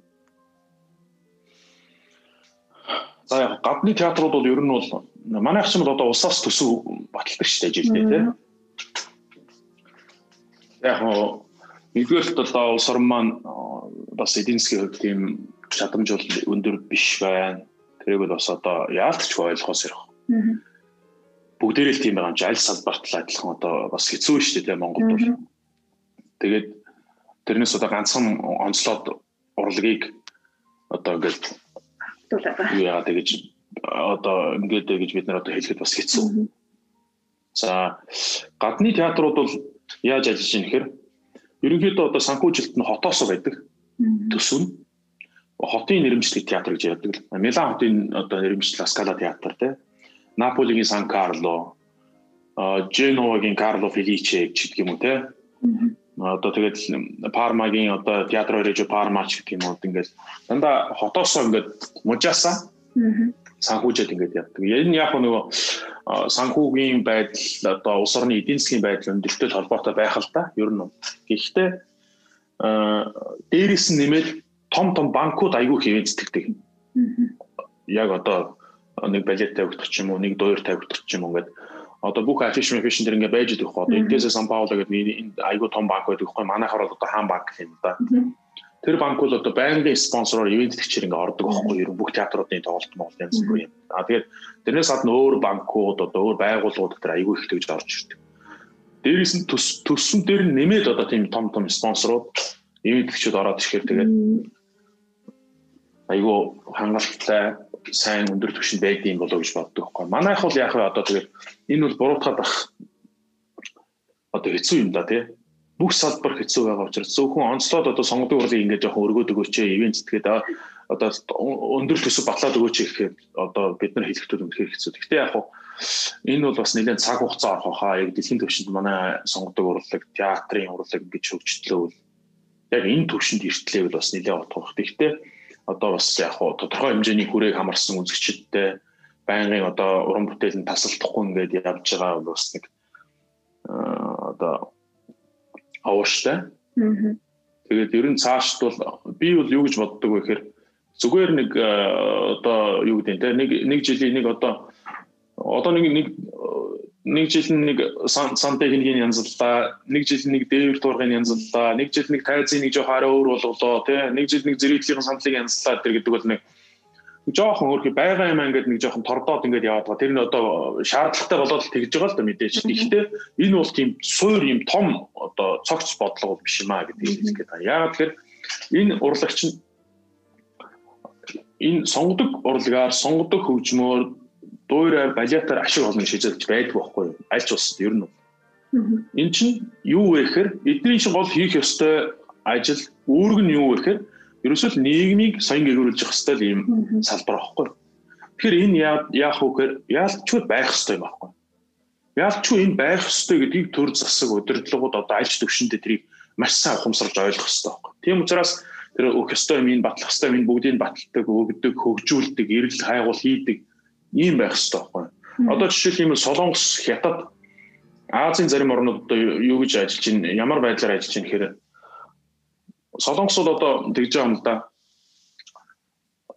Одоо Азийн бар орн болоод маш өндөр түвшинд хөгжөөд одоо үйл төрлөлтэй одоо техник технологи тэгээд одоо байшин байрлал одоо юу гэдэг те өндөр түвшинд ирээд солонгосод ирсэн гэж байна. За одоо ер нь биднэрт мөнгө байна, техник технологи байна, өсрөнгөө хөгжил өндөр түвшинд ирчлээ. Одоо биднэрт манай улс төр нь юу байхгүй байна гэдэг тийм юунд төрсэн гэж байгаа. Тэгээд ингээд бодоод байсан чинь манай улс төрөөс сонгодог урлаг гэдэг юм юу ч байхгүй юм шүү дээ. Тийм учраас одоо хэдүүлээ дэлхийн нийтэд хөл нийлүүлж алхъя. Дэлхийн том гүрнүүдээ гүрнүүдтэй өрсөлдөөц хэмжээнд очиход манайд нэг л юм дутаад байна гэсэн тийм ойлголтод төрсөн гэж. Тэгээд яасан гэхээр бүх мужуудад бүх том том солонгосын том хотуудад концертны заалыг дуурийн театртай бүгдийг барь гэсэн тийм даалгавар өгөөд дор нь бариад байр савын бэлдээд за тэгээд Герман, Франц, а Итали, Орос гэсэн энэ улсуудад бүх төрлийн боловсон хүчнүүдийг салбарын бүх улсуудыг бэлдээ. Улсын зардлаар. Тэгээд тэр улсууд дунджаар нэг 10 жилийн дараа бүгд төгсөөд эх орондоо ирж үйлчлэх ёстой. Гэсэн тийм одоо зарчмаар явсан гэж байна. Тэгээд бүх сав байр савн бэлэн одоо бүх одоо материалын байдлыг бүгдийг бэлдээд өгсөн. За боловсон хүчнүүд 10 жилийн дараа бүгдээрээ бөөнөрөө орж ирлээ. Дуучид, удирдаагчид, найруулагчид, хөгжимчид те бүгд түрээд ирлээ. Тэгээд ингээд маш богино хугацаанд Солонгосоос маш өндөр хүчрхэг улс болсон. Аа яг энэ салбарынхаа хувьд. Одоо ингээд аваад үзэхэд Пармагийн консерваторч гэдэг юм уу, Ласкалагийн академич гэдэг юм уу, Ференц, Ром ингээд Италийн том том алдартай сургуулиуд дандаа солонгосын оюутнууд өндөр түвшинд дуулж солонгосын оюутнууд хамгийн их сурч байна. Аа. Ерөөсөө одоо тэгээд очиход солонгост ингээд очиход байна шүү дээ. Тэжон гэж хот байдаг. Аа Дэгүү гэж хот байдаг. Шүүч Seoul Art Center гэдэг байдаг. Миний мэдхийн дөрийн театрууд шүү дээ том. Бусан бас байдаг баг. Тэгээ энэ театруудад бол ерөөсөө солонгос нөгөө ажлын байр юу яадаг гэж байхгүй ерөөсөө яг энэ салбар дээр хөрөлцдөг амар их уран бүтээлч амар боловсон бичээд амар олон дууч төгжимчд ийм байгаад хахаар ерөөсөө ингээд харахаж яадаг хангалттай тий. Санкт Санкт Петербург ч гэсэн очиход гэжсэн шүү дээ. Санкт Петербургийн одоо хэд гэлээ баг 6 оркестр байдаг лөө.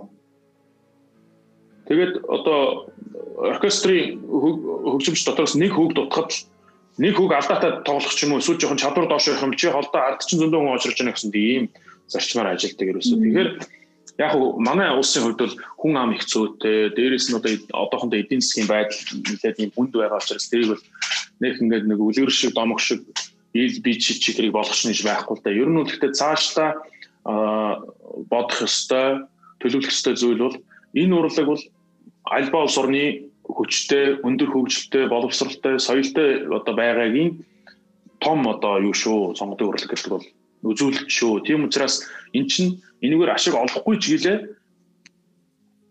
ерөөсө зайлшгүй байлах ёстой салбар чинь энэ баггүй. Тийм учраас энийг яаж хөгжүүлэх вэ гэхээр бүхэл бүтэн одоо том одоо төр зэсэг том бодлогоор төсөв одоо төлөвлөгөө боловсруул боловсруулж их хөрөнгө мөнгө хайж иж ингэж энэ бол хөгжнө. Нөгөө урлаг бол амьдралын талхан биш дарсан юм а гэдэг нэг үг гэдэг.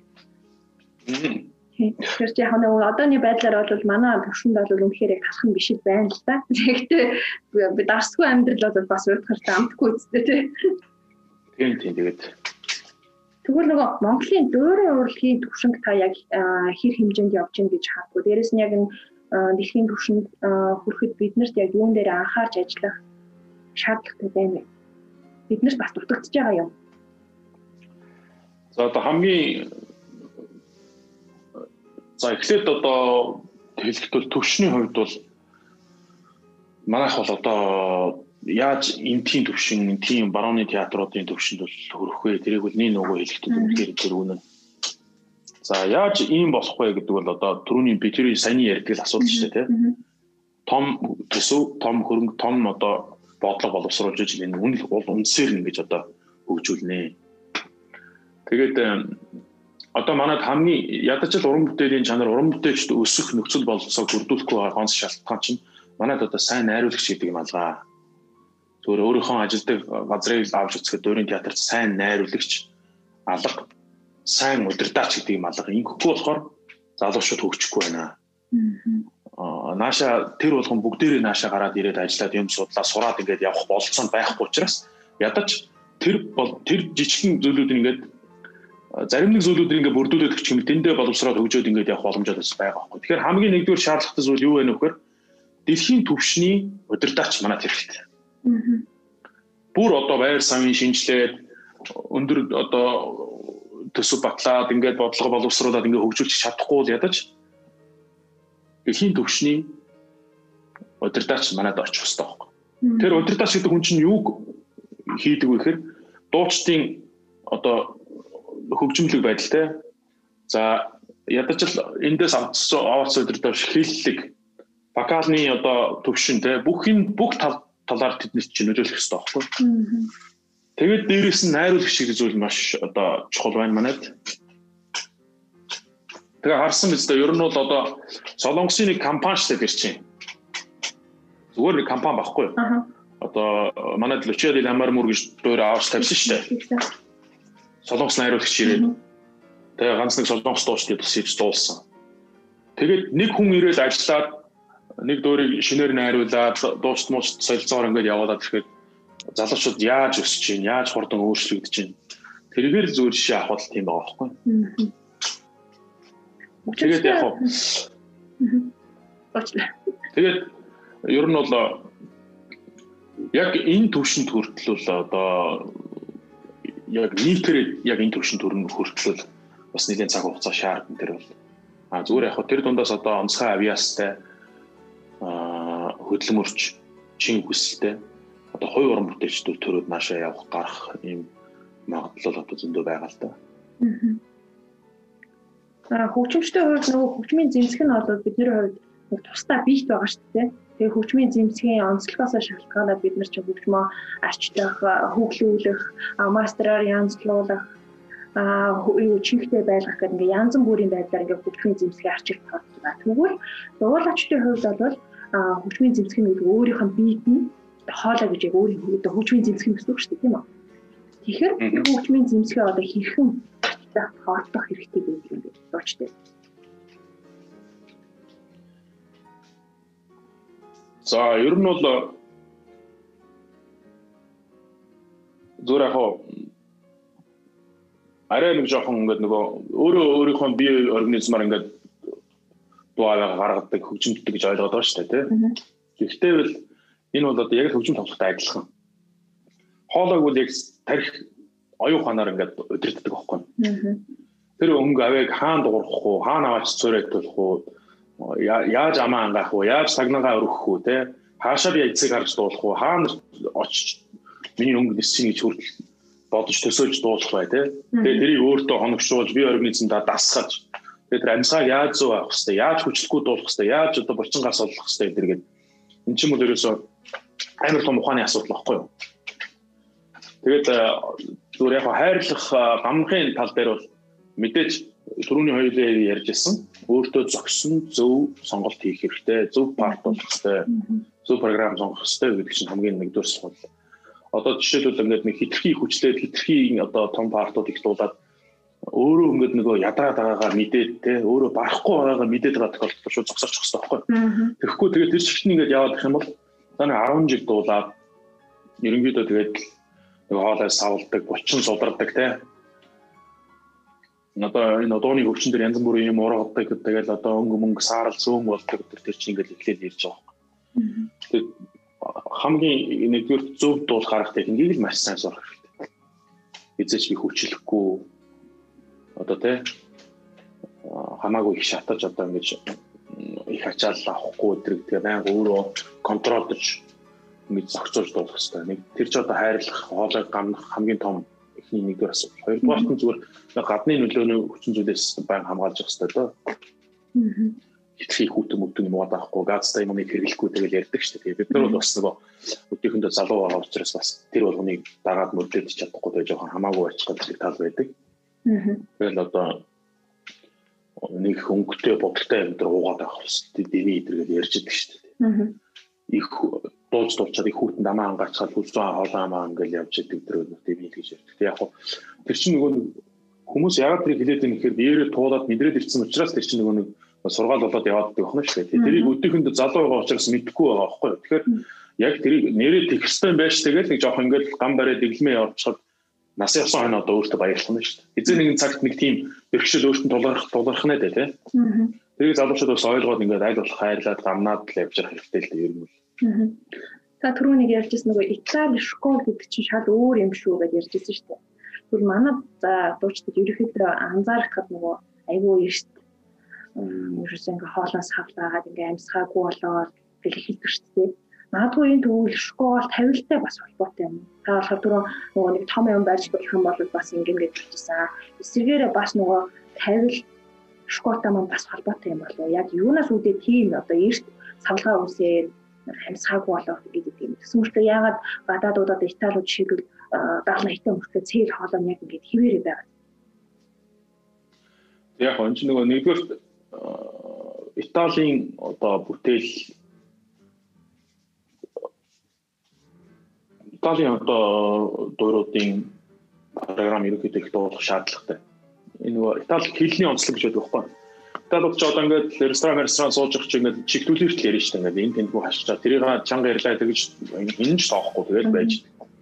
Амар энэ дийгстэй топ ярьдаг байхгүй Италид. Наан наан гэж яриад байдаг шүү дээ. Тэгээ яг нөгөө яг дуулавчийн одоо вокалны онцлог тал дээр бол Италид нэг юм масктай юм шиг дуулдаг тийм нэг арга техник байдаг. Тэр юу гэж юм хэрэг дороос ингээд суурьтаа авсан амьсгаа яваад энэгээр дамжаад яг ус урсж байгаа юм шиг ингээд гарч явах хэрэгтэй гэдэг чинь яг зөв онол байхгүй юу? Манай бүрдөрж байгаа нэг тийм онол байлаа шүү дээ. Яг карантины ус яаж гоож байгаа? Яг тэрнтэй адилхан жишээлбэл дорох байгаа амьсгааг зөв одоо хяналттай жигтгэн ингээд хүчлэхгүй яг карантины ус ингээд гоё гоождаг шүү дээ. Яг ингээд ингэж ирээд яг тэр шиг энэ жигтгэн байх хэрэгтэй гэдэг юм ойлголт төрж байгаа. Тэр чинь ингээд эндээс гарсан амьсгаа ам хамрын одоо хөндөгөр ингээд л гарч байгаа зүйл чинь амьсгааны урлаг гэж тэрийг хэлээд байгаа байхгүй юу? Одоо дуу аваад тэргээр дамжиж ингэж гарч надад гэсэн. Тэгээд ер нь бол тэр маск тэ юм шиг гэдэг чи одоо яг нөгөө урдаан гэдэг битүү бөгөлцөн юм шиг дуудаж байгаа ойлгох биш. Нүүрний урд дахиад нэг юм юм байгаад байгаа юм шиг одоо тийм арга техник энд нэг юм аппарат үүсгэн дээ тий. Тэгэхээр ерөөсөө тэр хүчлэхгүй жигтгэн урагшаа дуулаа гэдэг тухай ойлголт байхгүй тэр чинь. Зөв За тэгээд одоо хамар бол одоо юу штэ. Дуу авиг цууратуудыг эрхлэн шүү дээ. Тэгэхээр зөв одоо ингээд жигтгэн хүчлэхгүй уур талдаа байнгын одоо нөгөө эндээ одоо дуу авиг цууратууж дөргөөж ингэж дуулах хэрэгтэй гэсэн тийм онол багхгүй ерөнхийдөө ингээд харах ханаар ойлгох юм байна. Тэгээд нөгөө тийм учраас одоо толгой дотроо тархин дотроо маш их сайн боловсруулж явах хэрэгтэй гэдэг чинь тэр багхгүй. Өөрийнхөө бие ерөнхийдөө зохицуулж байнга одоо сургууль хийж дадлуулж тэгжээж дуурна. Тэгэхгүй ингээд нэг бас ингээд нэг хэлний манайх нэг монголчуудын нэг хэлний онцлог байдаг шүү дээ. Би ч гэсэн нэг хэсэг тиймс намайг одоо их цаан дуурдаг гэдэг хүмүүс ярьдаг гэсэн. Ялч хүн дээр бол. Тэгээ яагаад гэвэл тэгж юм гэхээр энэ чинь нэг хэлний манайх чинь нэг хэлний үгийн гаа гаа гэдэг гэсэн нэг тийм ер нь хэлний онцлог шүү дээ тэр чинь. Тэрийгээр яг өөрийнхөө нөгөө байгалийнхаа зохицолгоогоор ингээд дуулаад байдаг тийм дадлалтай. Тэгэхээр энийг яаж эвдэж яаж өөрчилж нүхээр хэсэг хэсэг хугацааны турш ингээд одоо өөрийгөө эвдээд арай өөр болгоод тархин дотроо боловсруулад ингээд дуу авиагаа урагш нь өөртөө дадлал болгож ингэж гарах тухай асуудал багхгүй юм чи. Тэгэхээр дээрэс нь Италийн бүтээл маш сайн дуулжээ гэдэг чинь нөгөө бас хэлний онцлог. Тэр чинь нөгөө тус дэм болоод ингээд нөгөө арай хэлбэр болоод ингээд гараад ирэх нь шүү дээ тийм ер нь бол яг одоо хичээл сургалтын тал дээр ингээд аваад үзэх юм нарийн задлаад үзэх юм тийм юм бол байлээ. Тэгээд э, тийм учраас яг манайхан ч гэсэн одоо бас анхаарах хэрэгтэй. Ер нь дандаа тийм би одоо анх ойлгохдгүйсэн байхгүй. Энэ Моцарт дуулууд ер нь жоохон залуухан баг залуу дээр Моцартын бүтээлүүд их дуулууд ер нь дуучдын тэр дуул харга байлдаг. Зүйтэй зохистой байдаг шүү гэж ярьдаг. Одоо би яг тэрийг ойлгож эхэлж байгаа байхгүй. Тэгээд э, барууны сонгогдол ер нь нэг дуул бол ер нь зүгээртэй манай програмд бол. Багшаа гэсэн ер нь нэг тийм ер нь одоо нэг ерөнхий нэг чиг шуун баг гэдэг. Бүх юм одоо ингээд сул хизээч одоо биеэр ингээд хоолоогоор бүх болчингаар хүчилж дуулж болохгүй гэдэг тухайн асуудлыг манайхан багш нар маш сайн ярьж байгаа хэрэгтэй ерөөс. Тэгээд байн одоо урагшаа сайхан ингээд дуул тэгээд хүчлэхгүйгээр болох хэрэгтэй гэдэг тийм ойлголтыг манайхаа ерөнхий нэг чиг шугам болох хэрэгтэй байхгүй. Нөгөө хөгжимчтэй хувьд бол одоо бид нар жишээлбэл ингээл өглөө эрт басаад тартаад өдөрт нэг доор хаяж одоо яг юм спин хүсүү хөгжимчд бол ерөнхийдөө нэг 4-5 цагийн тавтлагатай байж байгаа нөгөө том програмны ад гарan дээрэс нь байнгын формтой байна дээрэс нь техник сайжруулах боломжтой. Тэгээд дээрэс нь хөгжимчтэй хувьд одоо нөгөө нэг байнга нөгөө халааш нөгөө техникийн дасгалууд асуудал маш их тулах шаардлагатай байдаг шүү дээ. Гамууд шиг А тэгвэл дуучдын хувьд хэрхэн техник одоо сайжруулах дээрэс нь нөгөө нэг нөгөө давтгууд өдөрт одоо хэдий цагийн хэд хэр их хугацаанд ер нь дуулах сургууль хийх боломжтой. За ер нь бол яг хоо тэзэж зогсож болох нөгөө нэг дуулахгүй чаддгүй маа гэдэг шин тэр үг байхгүй. Тийм учраас нөгөө удаан давал ингээд бүр дадал болчдөг. Нэг мэтгэд л дуулсан аягаа угааж явах та ч юм уу одоо эсвэл одоо хаана гадуур дотор явж байхдаа ч юм уу гэртээ сууж байхдаа ч юм ингээд нэг хаана юу л хийж ийм тэгээд ингээд дуулаад бонгны л явж идэг тийм байдаг болчдөг байхгүй ер нь бол а би бол би ч одоо ингээд нөгөө байнгын Монгол гэрмаар байна байнгын одоо яг хөө бичиг баримт баримттай эндхийн бичиг баримт болохын тулд бас нэг хаягн дээр бүртгүүлэх хэрэгтэй. Тийм нэг талын нэг юм байгаа. Гэхдээ яг амьдраад явахын хувьд бол хот болгонд нэг сар болдог байхгүй юу? Аа. Зарим газар нь 20 хон, зарим газар нь 45 хон, зарим газар нь 30 хон. Тийм учраас хаанч одоо суурин ингээ амьдрах тийм нөхцөл болцоо ямар ч тийм арга байхгүй. Энэ бол яг дэлхийн карьер хийж байгаа дэлхийн театрууд ажиллаж байгаа дуучдын ер нь амьдрал юу. Яаж нэхэр нэг газараа байнгын суурин оршин тогтох ямар аргагүй. Өнөөдөр чи фармад байсан бол маргааш Австралийн Мельбурнд ч юм уу те. А маргааш Австралийн Мельбурнд байсан бол нөгөөдөр нь чи Сицилийн Палермод ч юм уу те. Эсвэл Испанд ч юм уу, Германд ч юм уу энэ тэнд ингэж явчихдаг байхгүй. Тэгж хийдэг 2 жилээр гэрээнүүд хийгдэж чаддаг. Тийм учраас нөгөө явсан газар болгондоо дандаа апартмент хөлсөж яддаг байхгүй. Тийм. Тэгээд хөлсөлтөө би дандаа нэг одоо зөө наацхийн нөгөө байраа хөдөлж авна штэ.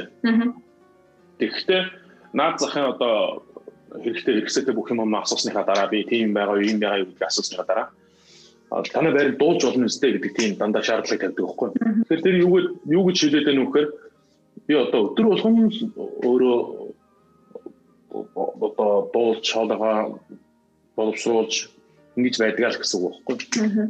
Тэгээд яг хуу их дуулмаар их сайхан хүсэл төрөөд ингээд нэг дуулаад лайнаа санагдах юм нэг 2 3 цаг дуулчихна. Зүгээр яг нэг шалгаад явах юм нэг ганц айрыг зүгээр дангаар нь явчихдаг ч юм уу эсвэл нэг цаг маа хэрэгтэй янз бүрээр дуурайд үзчихдэг ч юм уу. Тийм маягтай юм байдаг. Аа.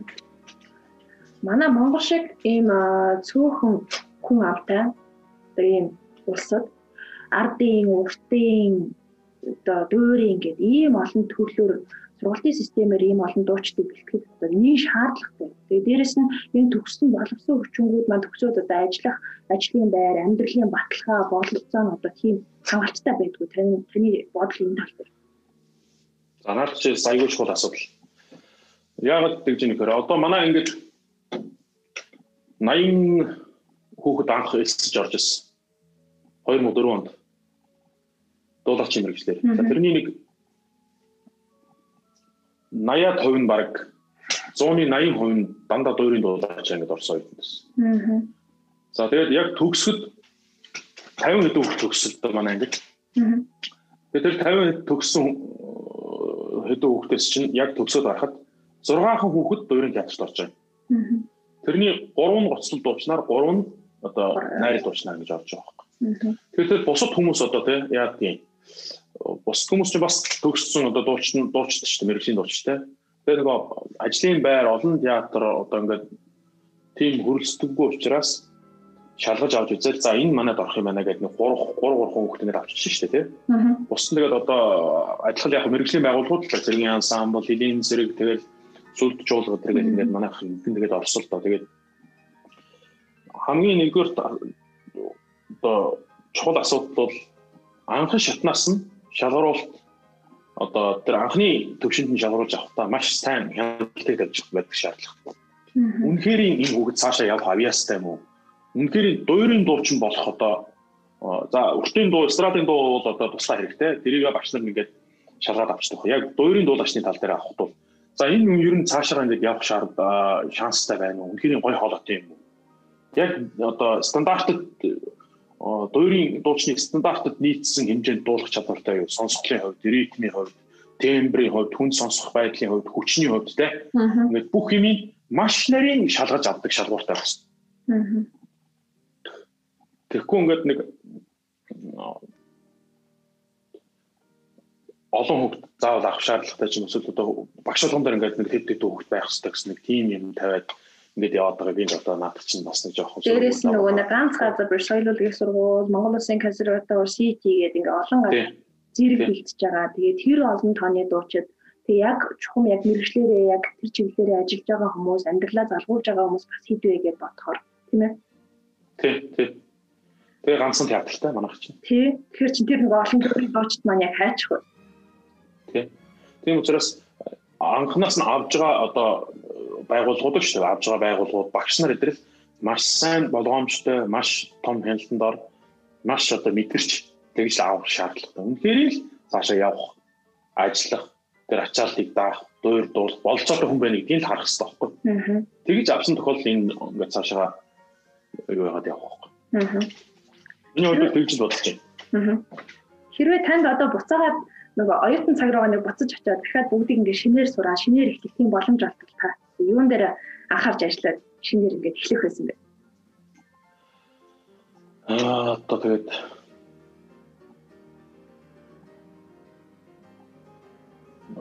би бол одоо тэгээд яг энэ нөгөө миний өөрийн амьдралын зорилго өөрийн чинь хүсэл мөрөөдөл учраас би яг энэнийхээ төлөө явсан учраас нэг одоо эргэж буцаж очиод энийг засчихвал за нэг юм өөрчлөлтүүд би одоо хийсэн юм аа одоо байгаа юм аа үүсгэж гэрэж шүү дээ. Тэгэхээр ер нь бол би бол нэг алдаагүй л гэж боддتي.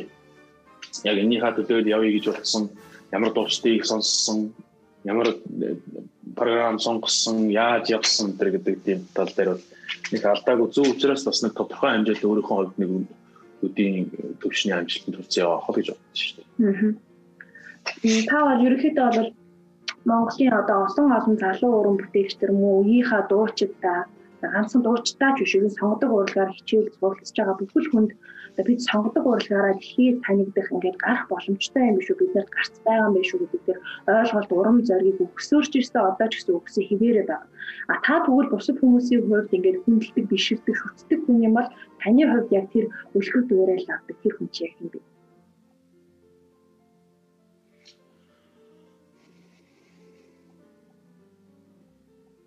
Миний хувьд одоо үлгэр дүүрэл авдаг улсууд бол одоо энэ домог болсон дуран бүтээлчтэй юм да. Би бол оюутнаас эхлээд тэр амар гоё дуулдаг дуучтай. Тэр одоо намайг ингэж боддог. Одоо энэ баритон учраас зөвхөн баритонуудыг сонсдог байх л гэж боддог баг. Үздэг, хардаг, судалдаг баг. Би бүх хоолойг сонсох дуртай бүх колоны гайхамшигтай дуурчдыг судлах дуртай, амьдралынхын тухай бичлэг, бичлэг янз бүрийн үүсэх дуртай. Тэгээд яг хоо яг өөрийнхөө хоолойны төрөл дээр бол миний яг зүгээр амьдрал дээр нэг одоо яг амьдралыг харж таа мөрдлөг болгоод хань цаашаа би бол тэгээд хүн болгон өөр өөр гисэн амьдралынхаа юугаар явна шүү дээ тийм. Яг мэрэгжлийн тал дээр тэр дуулах байдал, ерөнхий дүр төрх одоо тэгээд тэр нэг одоо төвшин мөвшин бүх юм харахад бол нэг 5 6 дуучин байдаг шүү ер нь яг миний хоолойны төрлийн. Тэд нар бол одоо дэлхийд дахин мэдхгүй хүн гэж байхгүй тэгээд дандаа л тийм гайхамшигтай усуд байдаг байхгүй. Оргил болцсон усуд шүү дээ ер нь. Тэгээд би бас хацтай тэгээд тэр хүмүүстэй ер нь зохицохоос нь ажилласан шүү. Одоо Леонуччи гэдэг баритон байдаг шүү дээ одоо манайхан мэдэнтэй. Тэр хүн чинь одоо 80 настай шүү дээ. 79 настай 79 настай өнгөрсөн жил Ласкадад эргүүлэлтэд өр дууллаа штэ. Тэгээд би Женогийн Карло Феличигийн театрт энэ театро Ричи ди Парма Арена ди Верона гэдэг дандаа дублёрдод одоо эргүүлэлтүүдийг хамт дуулж илаа, хамт хийж илаа. Тэгээд гэр бүлтэй танилцаад өөртөө ойрхон ажиллаад ингээд ирж ирсэн. Би 3 жилийн өмнө Карло Феличид 93 настай найруулж ирсэн Роландо Панараи гэж одоо дэлхийн агуу том Мария Калс, Лучано Павароти, Жузеппе Ди Стефано дэргэл одоо дэлхийн агуу том амьтдтай нэг үед амьдарч ирсэн ажиллаж ирсэн дэлхийн гранде том баритон. Тэр хүний одоо өөрөө дуучин регулятороо алдартай. Тэгэхдээ найруулсан тухайд 93 настай модон таяга тулцсан явжсэн тэр өвгдөд ажиллаж байлаа. За тэгээ одоо Пласидо Доминго гэж миний амьдралд одоо маш том ор нөлөөлсөн гайхалтай юм хүн байна. Энэ хүнтэй одоо анх уралдаанд нь орж нүдэнд нь өртөж сайхан үеийг сонсч сайхан шагналыг авч ингэж явжсэн миний амьдралд олон улсад гарах гарцсан юм хамгийн том төлхөд түлхэж болсон энэ хүн байна. Дараас дараа нь одоо модлон өнгөрсөн жил би Испани Валенсиа гэж хот байдаг. Валенсиагийн театрт одоо тэр маань баритоны парт бол явж штэ бас 80 настай. Ингээд бас дублёрдод Набуко дөрөг хамтдуулаад хамт ажиллаад ингэж явжсэн. Тэгээд би бол бас өөрөө хацтай хүн боддог. Тэгээд тийм тийм усуд байна дөө. Тэгээд тэдний чинь ингээд хүн болгоны амьдрал гоё, хүн болгоны амьдралын түүх одоо гонигтай, зовлонтой, зүтгүүртэй, амжилттай одоо үлгэрийн юм шиг тийм гоё амьдралт бас зөндөө байна шүү дээ, тийм. Кино шиг амьдралтай гэж ярьдаг шүү дээ. Тэгээд тийм улсуудаас л одоо үлгэрч шаад би яг л нэг эдгээр шиг ийм хүн болох юмсан тийм. Хүн болгоо намайг мэддэг. Нэг мэрэгжлийн хүн бол мэрэгжлийн юм шиг л тийм хүн байх юмсан гэж боддог байхгүй. Тэгээ одоо тэдний чинь ингээд бид нартай цуг ажиллаад ингээд байж их чинь гаднаас ингээд ороод ирэхэд л тэр улсуудын хандж байгаа залуучуудын байгаа байдал тэгэл тэр театр яаж хүндэтгэл үзүүлж जैन тэр бүх юм бидний нүдэн дээр ингээд явж байгаа байхгүй. Тэгэхээр нэг харахад нэг үлгэр үлгэр домог нэг кино мэн үзээд байгаа юм шиг тийм сэтгэл бас төрнө. Аа. Тийм л хүмүүсийн төвшин төрсөн одоо хэдэн жилийн дараа тийм хүн болцсон л явж байгаа юмсан гэсэн тийм хүслэр мэдлийнхаа дагуу би явж байгаа. Мэдээж хүн нэр алдарт дургу хүн гэж байхгүй. За мэрэгсэн мэрэгслийнхаа төлөө одоо явж байгаа мэрэгжлийн төлөө явах уу одоо дургу хөнгөж байгаа юу байх вэ ингээд аль аль талыг л барайл ингээд явж байна да. Ер нь хүнд яг нэр хүнд одоо алдар нэр чухал юм уу эсвэл яг мэрэгчлээ чин үнэнч дээрэс нь хийх ёстой зүйлээ ингээд эцийг нь хүртэл хийгээд явах нь чухал юм уу? Яг яа би юм асууж байгаа гэхээр нөгөө одоо олон хүмүүс тийж ярьдаг л да. Ингээд амар төвшөндөө ардын жүжиг өгмөр энэ хөдөлмөрийн баатар өгмөр энэ ингээд залуу сайхан хийж эд хүн хийгдэж байгаа даа хүнд ингээ уран болгоод өгмөр байна гэх. Яг энэ тал дээр таны өөрийн хувийн үзэл баг. Гэхдээ яг зүгээр шагин дурамжлын тал дээр бол нэгдүгээрт нь ярихад шагин дурамжлын тал дээр бол тэр одоо манай улсын бас нэг онцлог болчихлоо шүү дээ чинь тийм. Өөрийнхөө улсад өөрийнхөө ард түмэнд дотор бас нэг хүний харагдах байдал тэр чинь нэг шагин дурамжийн тал дээр манай улсын онцлог болчихлоо тийм. Яг энэ чинь социалист нийгмийн үеэс, Дайны өмнө үеэс мууяс ингээд уламжлалт ирсэн одоо медаль гардуулдаг барьдаг үнэлдэг юм. Одоо ерөөдөө Оросоос Оросоос уламжлагдчихж ирсэн тийм. Оросоос уламжлагдж ирсэн юм шиг. Гэхдээ гэхдээ энэ чинь бас нэг тодорхой хэмжээнд бас нэг ингээ соёл болчихлоо шүү дээ. Нэг өөр нэг бас нэг тийм одоо тусаар тийм тусдаа нэг тийм зүйл болчихлоо шүү дээ тийм. Тэрийг буруутгах юм байхгүй. Тэр чинь ард түмнэрээ төр засгаараа үнэлүүлэн төр засгийнхаа одоо сойрхлыг хүлээж авна гэдэг бол одоо тэр бас гайхалтай да. Хүний хүүхэд одоо болж төрснийх бол тэр бол гайхамтай зүйл. А гэхдээ а бөмбөрцөгт одоо дэлхийн дахинд ингээд аваад үзэхдээ тэр бол улс орны өөр өөрийн гэсэн онцлогтой тийм одоо шагнал оромжлол янз бүрийн зөндөө байна тий. Тэгээ яг хуу тэрэн дээр бол нэг одоо юу гэдэг нь тий одоо чиний төрөний одоо хүмүүс чийч яг тэгж хэлж байгаа юм биш юм. Хүн болгол одоо ингээд тэгэхээр нөгөө тэр чинь надад өөрт амар дарамттай санагдчихсан тий. Би би өөрөө нэг тоодгүй тэгээд нэг анзаарахгүй тэгээд яваад идэг. Тэгээд хүн болго ингээл хийхгүй байна, ингэхгүй байна гэдэг яриад тааш тэгээд бас надад ингээл нэг нэггүй юм шиг нэг тийм мэдрэмж төрөв. Тэрнээс биш би яг өөрөө бол одоо ингээд нэг тэхгүй байна, ингэхгүй байна гэдэг хаа би ч одоо залуу хүн шүү дээ. Дөнгөж одоо 30 гарч яваа хүн шүү дээ. Тэгт чинь тэрэн дээр бол нэг айхтар ачаад бодлоо мэдээж яг хүн чинь улс орн маань тодорхой хэмжээнд үнэлдэг үнэлэмжээ өгөөд ингээд явах тул Тэр нэг аа би тэрхгүй хүүхсэн тийм ойлголт байхгүй зүгээр тэрийг нэг цаг цаг тухай тухайн тухайн цаг тагтал чийдэж хэлээд ингээл одоо санаал явах хэрэгтэй асуудал байхгүй. Тэрнээс биш бол нэг фактор тэр дээр нэг ач холбогдлого бол дагаад одоо массыг дагаад би өөрөө бас тэр тэрэн дээр янз бүр одоо шаардлага байхгүй. Дээрээс нь завгүй тэгээд одоо гадаад дотоод янз бүрийн одоо соёлтой янз бүрийн заншилтай ийм улс орнуудад яваад ингээд олон хүнтэй харьцаж ирэхэд чинь тэр зэрэг асуудлыг дүүл нэг айхтар тоогоод ачаал төлөвлөдөг юм байж тийм шүү ер нь бол. Тэгээд өөр бас юу асуулаа? Давхар. Яг энэ нөгөө шагнал урамшууллын өн дээр л нөгөө таны өөрөө хувийн үзэл бодол гэсэн байна. Яг бол маш олон хүмүүс таны өмнө Тий. Би бол ерөнхийдөө тийм байт. Нэг айхтар бүгд нөгөөд одоо тэгээд байдгүй. Аа тэгээ нөгөө нэр алдар чухал юм уу? Юу мэрэгчлээ үнэнч нөгөө хийхстэй юм аа. Тэр нь хийх нь. Аа Тий, тий. Яг нэр алдар чухал уу, мэрэгжилтэй үнж байдал чухал уу гэдэг чинь нөгөө би одоо бас олон ч нэвтрүүлэг сонингийн ярилцлага мэржлэгт ярьж байна да. Аа ер нь бол залуучууд штэ. Өнөөдрийн нэг жоохон хэцүү бэрхшээлтэй цаг байдлаас болоод нэг ямар нэг юм руу халтарчдаг ч юм уу эсвэл нэг жоохон чиглэлээ өөр болгоо явчихдаг ч юм уу. Тэгээд битгий яагаарэ хэрэг зөвөр үзэл бодолтой үнж байгаарэ гэж хэлээд байгаа байхгүй хамгийн гол. Чи өөр өөрийнхөө үзэл бодол үнж байгаад яг тэр замаа сонгох гэж байсан бол яг тэрнийхээ төлөө тууштай явах юм бол нөгөө нэр алдар эд хөрөнгө юу байдгийг те бүх юм чинь дагаад ингээд аянда ард чинь ирдсэн байдаг баг одоо зүйл гэж би хэлмээр байна. Хамгийн нэгдүгээр чухал юу гэж чи өнөөдөр өнөөдөр чи хүн сайхан харагдаад өнөөдөр чи хүнээс одоо сайхан үнэлэмж авах гээд ингээд өөрийгөө хураад явах юм бол тэр чинь нэгдүгээр дултнасгүй хоёрдугаар одоо маргааш чи юу вэ нөгөөдөр би юу хийх вэ гэдгээ мэдэхгүй ингээд зогсож зогсож байгаа байхгүй юу Яагаад тэгэхээр чи маргааш насан туршдаа өнөөдөр өнөөдөр маргааш нөгөөдөр насан туршдаа би энэгээр хоолоо олж идэх энийхээ төлөө явна.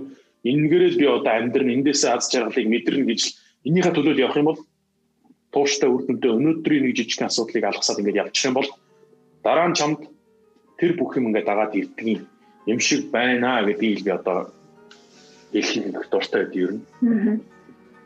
Тэгэхээр юу гэж нэхэр амархан нэр төр, амархан нэр алдар өнөөдөр авах гэдэг тэр юмнаас тууштай байдал, өөрийн чинь үзэл бодолтой үнж байгаа байдал жинхэнэ одоо чи ямар ч мэрэгчлээ боловсралтай, ямар ч авьяастай чадвартай юм шиг. Чи мэрэгжлийн мэрэгсэн хүн гэдэг юм чинь чамайг одоо тэр бүх юм чи араас дагуулад явна гэдгийг хэлдэг байна. Яг дөөрэн дуулаачийн хувьд ерөөхдөө нөгөө нэг конкурсны нэг юм нас байгаа шүү дээ, тий. Тэр нь яг хизээ дуусдаг юм. Одоо яг хэдийн наснаас хэдий хүрч одоо яг нэг ид уралдах тэр ид дуулах тэр нас нь яваад байгаа юм. За, ер нь бол За одоо конкурсанд орж дуучдвал нэг 18 9-тэй залуучууд бол ховор байдیں۔ 18-аас нэг 32 настай байхгүй. Зарим уралдаан 31 а 30-аар тасцсан уралдаан ч бас байдیں۔ Хамгийн дээд нь ер нь 32 насаар тасалт. Тэгээ яг энэний хооронд л одоо идэл одоо нэг үед байдаг улсууд хооронд оролддог байхгүй. Тэгээ бид нар чинь нэг олон уралдаанд хамт ороод ирэхээр дандаа дээгүүр явждаг улсууд чинь дэлхийд Дахнаар дүүрэн тийм мундаг чадaltaй авьяастай чадвартай усуд байна гэвэл бас хот төр чинь нэг өрөөсгөл ойлголт шүү дээ тийм. Тэгэхээр ер нь яг нэг үед гараад ирсэн дуучдад ингээ айгүй олон уралдаанд хэмжээ таарах тохиолдол зөндөө байдаг. Таны одоо тэгвэл яг хийх бүтээх ажил амжилтын одоо төлөвлөгөөг чинь одоо 100% гэж үзэх юм бол та одоо яг тэр 100%-ийнхаа хэд хувь дээр явж байгаа? За одоо ер нь тэгээд яг ингээд нарийн бодоод тооцоолоод ингээд үзэхэр бол тэгээ насныхаа онцлог мэдлэг аваад үзэхэд 50% тань ч юм уу гэж ойлгож байгаа. А яг ингээд нэг явцсан газараа дуулсан газараа хийсэн бүтээл одоо тойрвол те юм харахад нэг 75 болцсон юм шиг. Аа. Ингээд санагдаж байгаа. Тэгээ энэ бол бас яг тодорхойлолтод бас хэцүү юм байна ер нь бол. Аа өөрийнхөө сурсан мэдсэн дээрэс нь хоримтлуулсан энэ олон туршлагаас залуу уран бүтээлчид дээрэс нь оюутан сурагч нарт өгүүлж үлдээх мөн зааж сурах багшлах тийм бодлоо цааш та. Айлгүй яг одоо тэгээд гэтээ яг манай багш нар ярьдаг л да яг эд дуулж байгаа үедээ багшлахаар бас өөр жоохон хортой байд гэж яриад идэв лээ. Тэр чухам одоо юунаас болж тэгдэг юм байгаа юм зүгээр яг хуу яг ингээ нарийн эмгтэй хоолой молоо ч юм уу ийм усуд мусуд бол ерөнхийн нэг онлайн юм ярина үхээс биш. Яг ингээд би одоо өөрөө биет нь биет нь хүрээд ингээд өөрөө цуг цуг амсгаагаад цуг дүрслээд нүдэнд нь харуулад өсөөлүүлээд тэр өөрийн гэсэн төсөөллийн бий болгоод ингээд яг дуулаачийн урлагийн талаар зааж өгтөл надад ялангуяа эмгтэй хоолой молон дээр бас жоохон хүндрэлтэй талууд гарна. Яг тэр нөгөө яг биеэр ингэж мэдэрч байгааг учраас жоохон хүндрэлтэй талууд гарч магадгүй. Гэхдээ А ялангуяа одоо баритон ч юм уу одоо ялангуяа миний өөрийн хоолойны тал дээр тэр бол одоо бол би бас нэг тодорхой төвшөнд нэг хүмүүс нэг ойлголт өгөөд ямар ч бас нэг зөв тийшин чиглүүлээд явж төвшөнд бол одоо баг очсон байх гэж бодож байгаа. Гэхдээ бас ганц нэгэн залуучууд малуучуудтай ингээд энэгээр энэгээр ажиллаад ингээд нэг а юм хом дээр нь ажиллаад ингээд ирээд нөгөөдөл маань урмаа ямар гоё юм бэ яа самарх юм бэ тэр гэдэг тийм тохиолдол одоо гарч эхэлж байна дөнгөж. Тэгээд мэдээж тэр чинь байлгүй хөө зөвхөн өөрөө одоо гоё байгаад мундаг байгаад ингэж яваад гэж бас болохгүй. Тэгээд явандаа бол одоо өдийхэнд би бас нэг нэг нас явчаагүй байгаа учраас бас тэр бол тэгээд цаг хугацааны ялсан болохоо. Аа. Нөгөө ерөө агшийн хувьд ингээд анзаархад бол маш олон чадварлаг одоо эрэгтэй хоолойнуудыг бэлтгэж гаргасан байгаа шүү дээ. Тэгээд дээрэс нь одоо банд огшиг бас хахад яг 90 юм гэж ярихгүйгээр бас эмгэгтэй маш олон сайн дуучдыг төгсөж гаргаж ирсэн тийм ээ. Тэгэхээр яаж нөгөө нэг та одоо сая шүү дээ одоо чухам одоо яаж эмгэгтэй хоолой дээр ингээд яг юу яаж чадахгүй болов гэж бодож байна. Яаж тэгвэл тэр багш нар чухам тэгж ажиллаж болоод байгаа юм болов? Тэр яг нөгөө олон жил дуулсан, олон жил ажилласны л одоо туршлагын л асуудал байгаа. Ер нь тэр чинь нөгөө хүн чинь огт ойлголтгүй, мэдлэггүй, туршлагагүй, хоримтлуулсан юм байхгүй хүнд багш нь гэсэн ордгоо ойлголт байхгүй шүү дээ.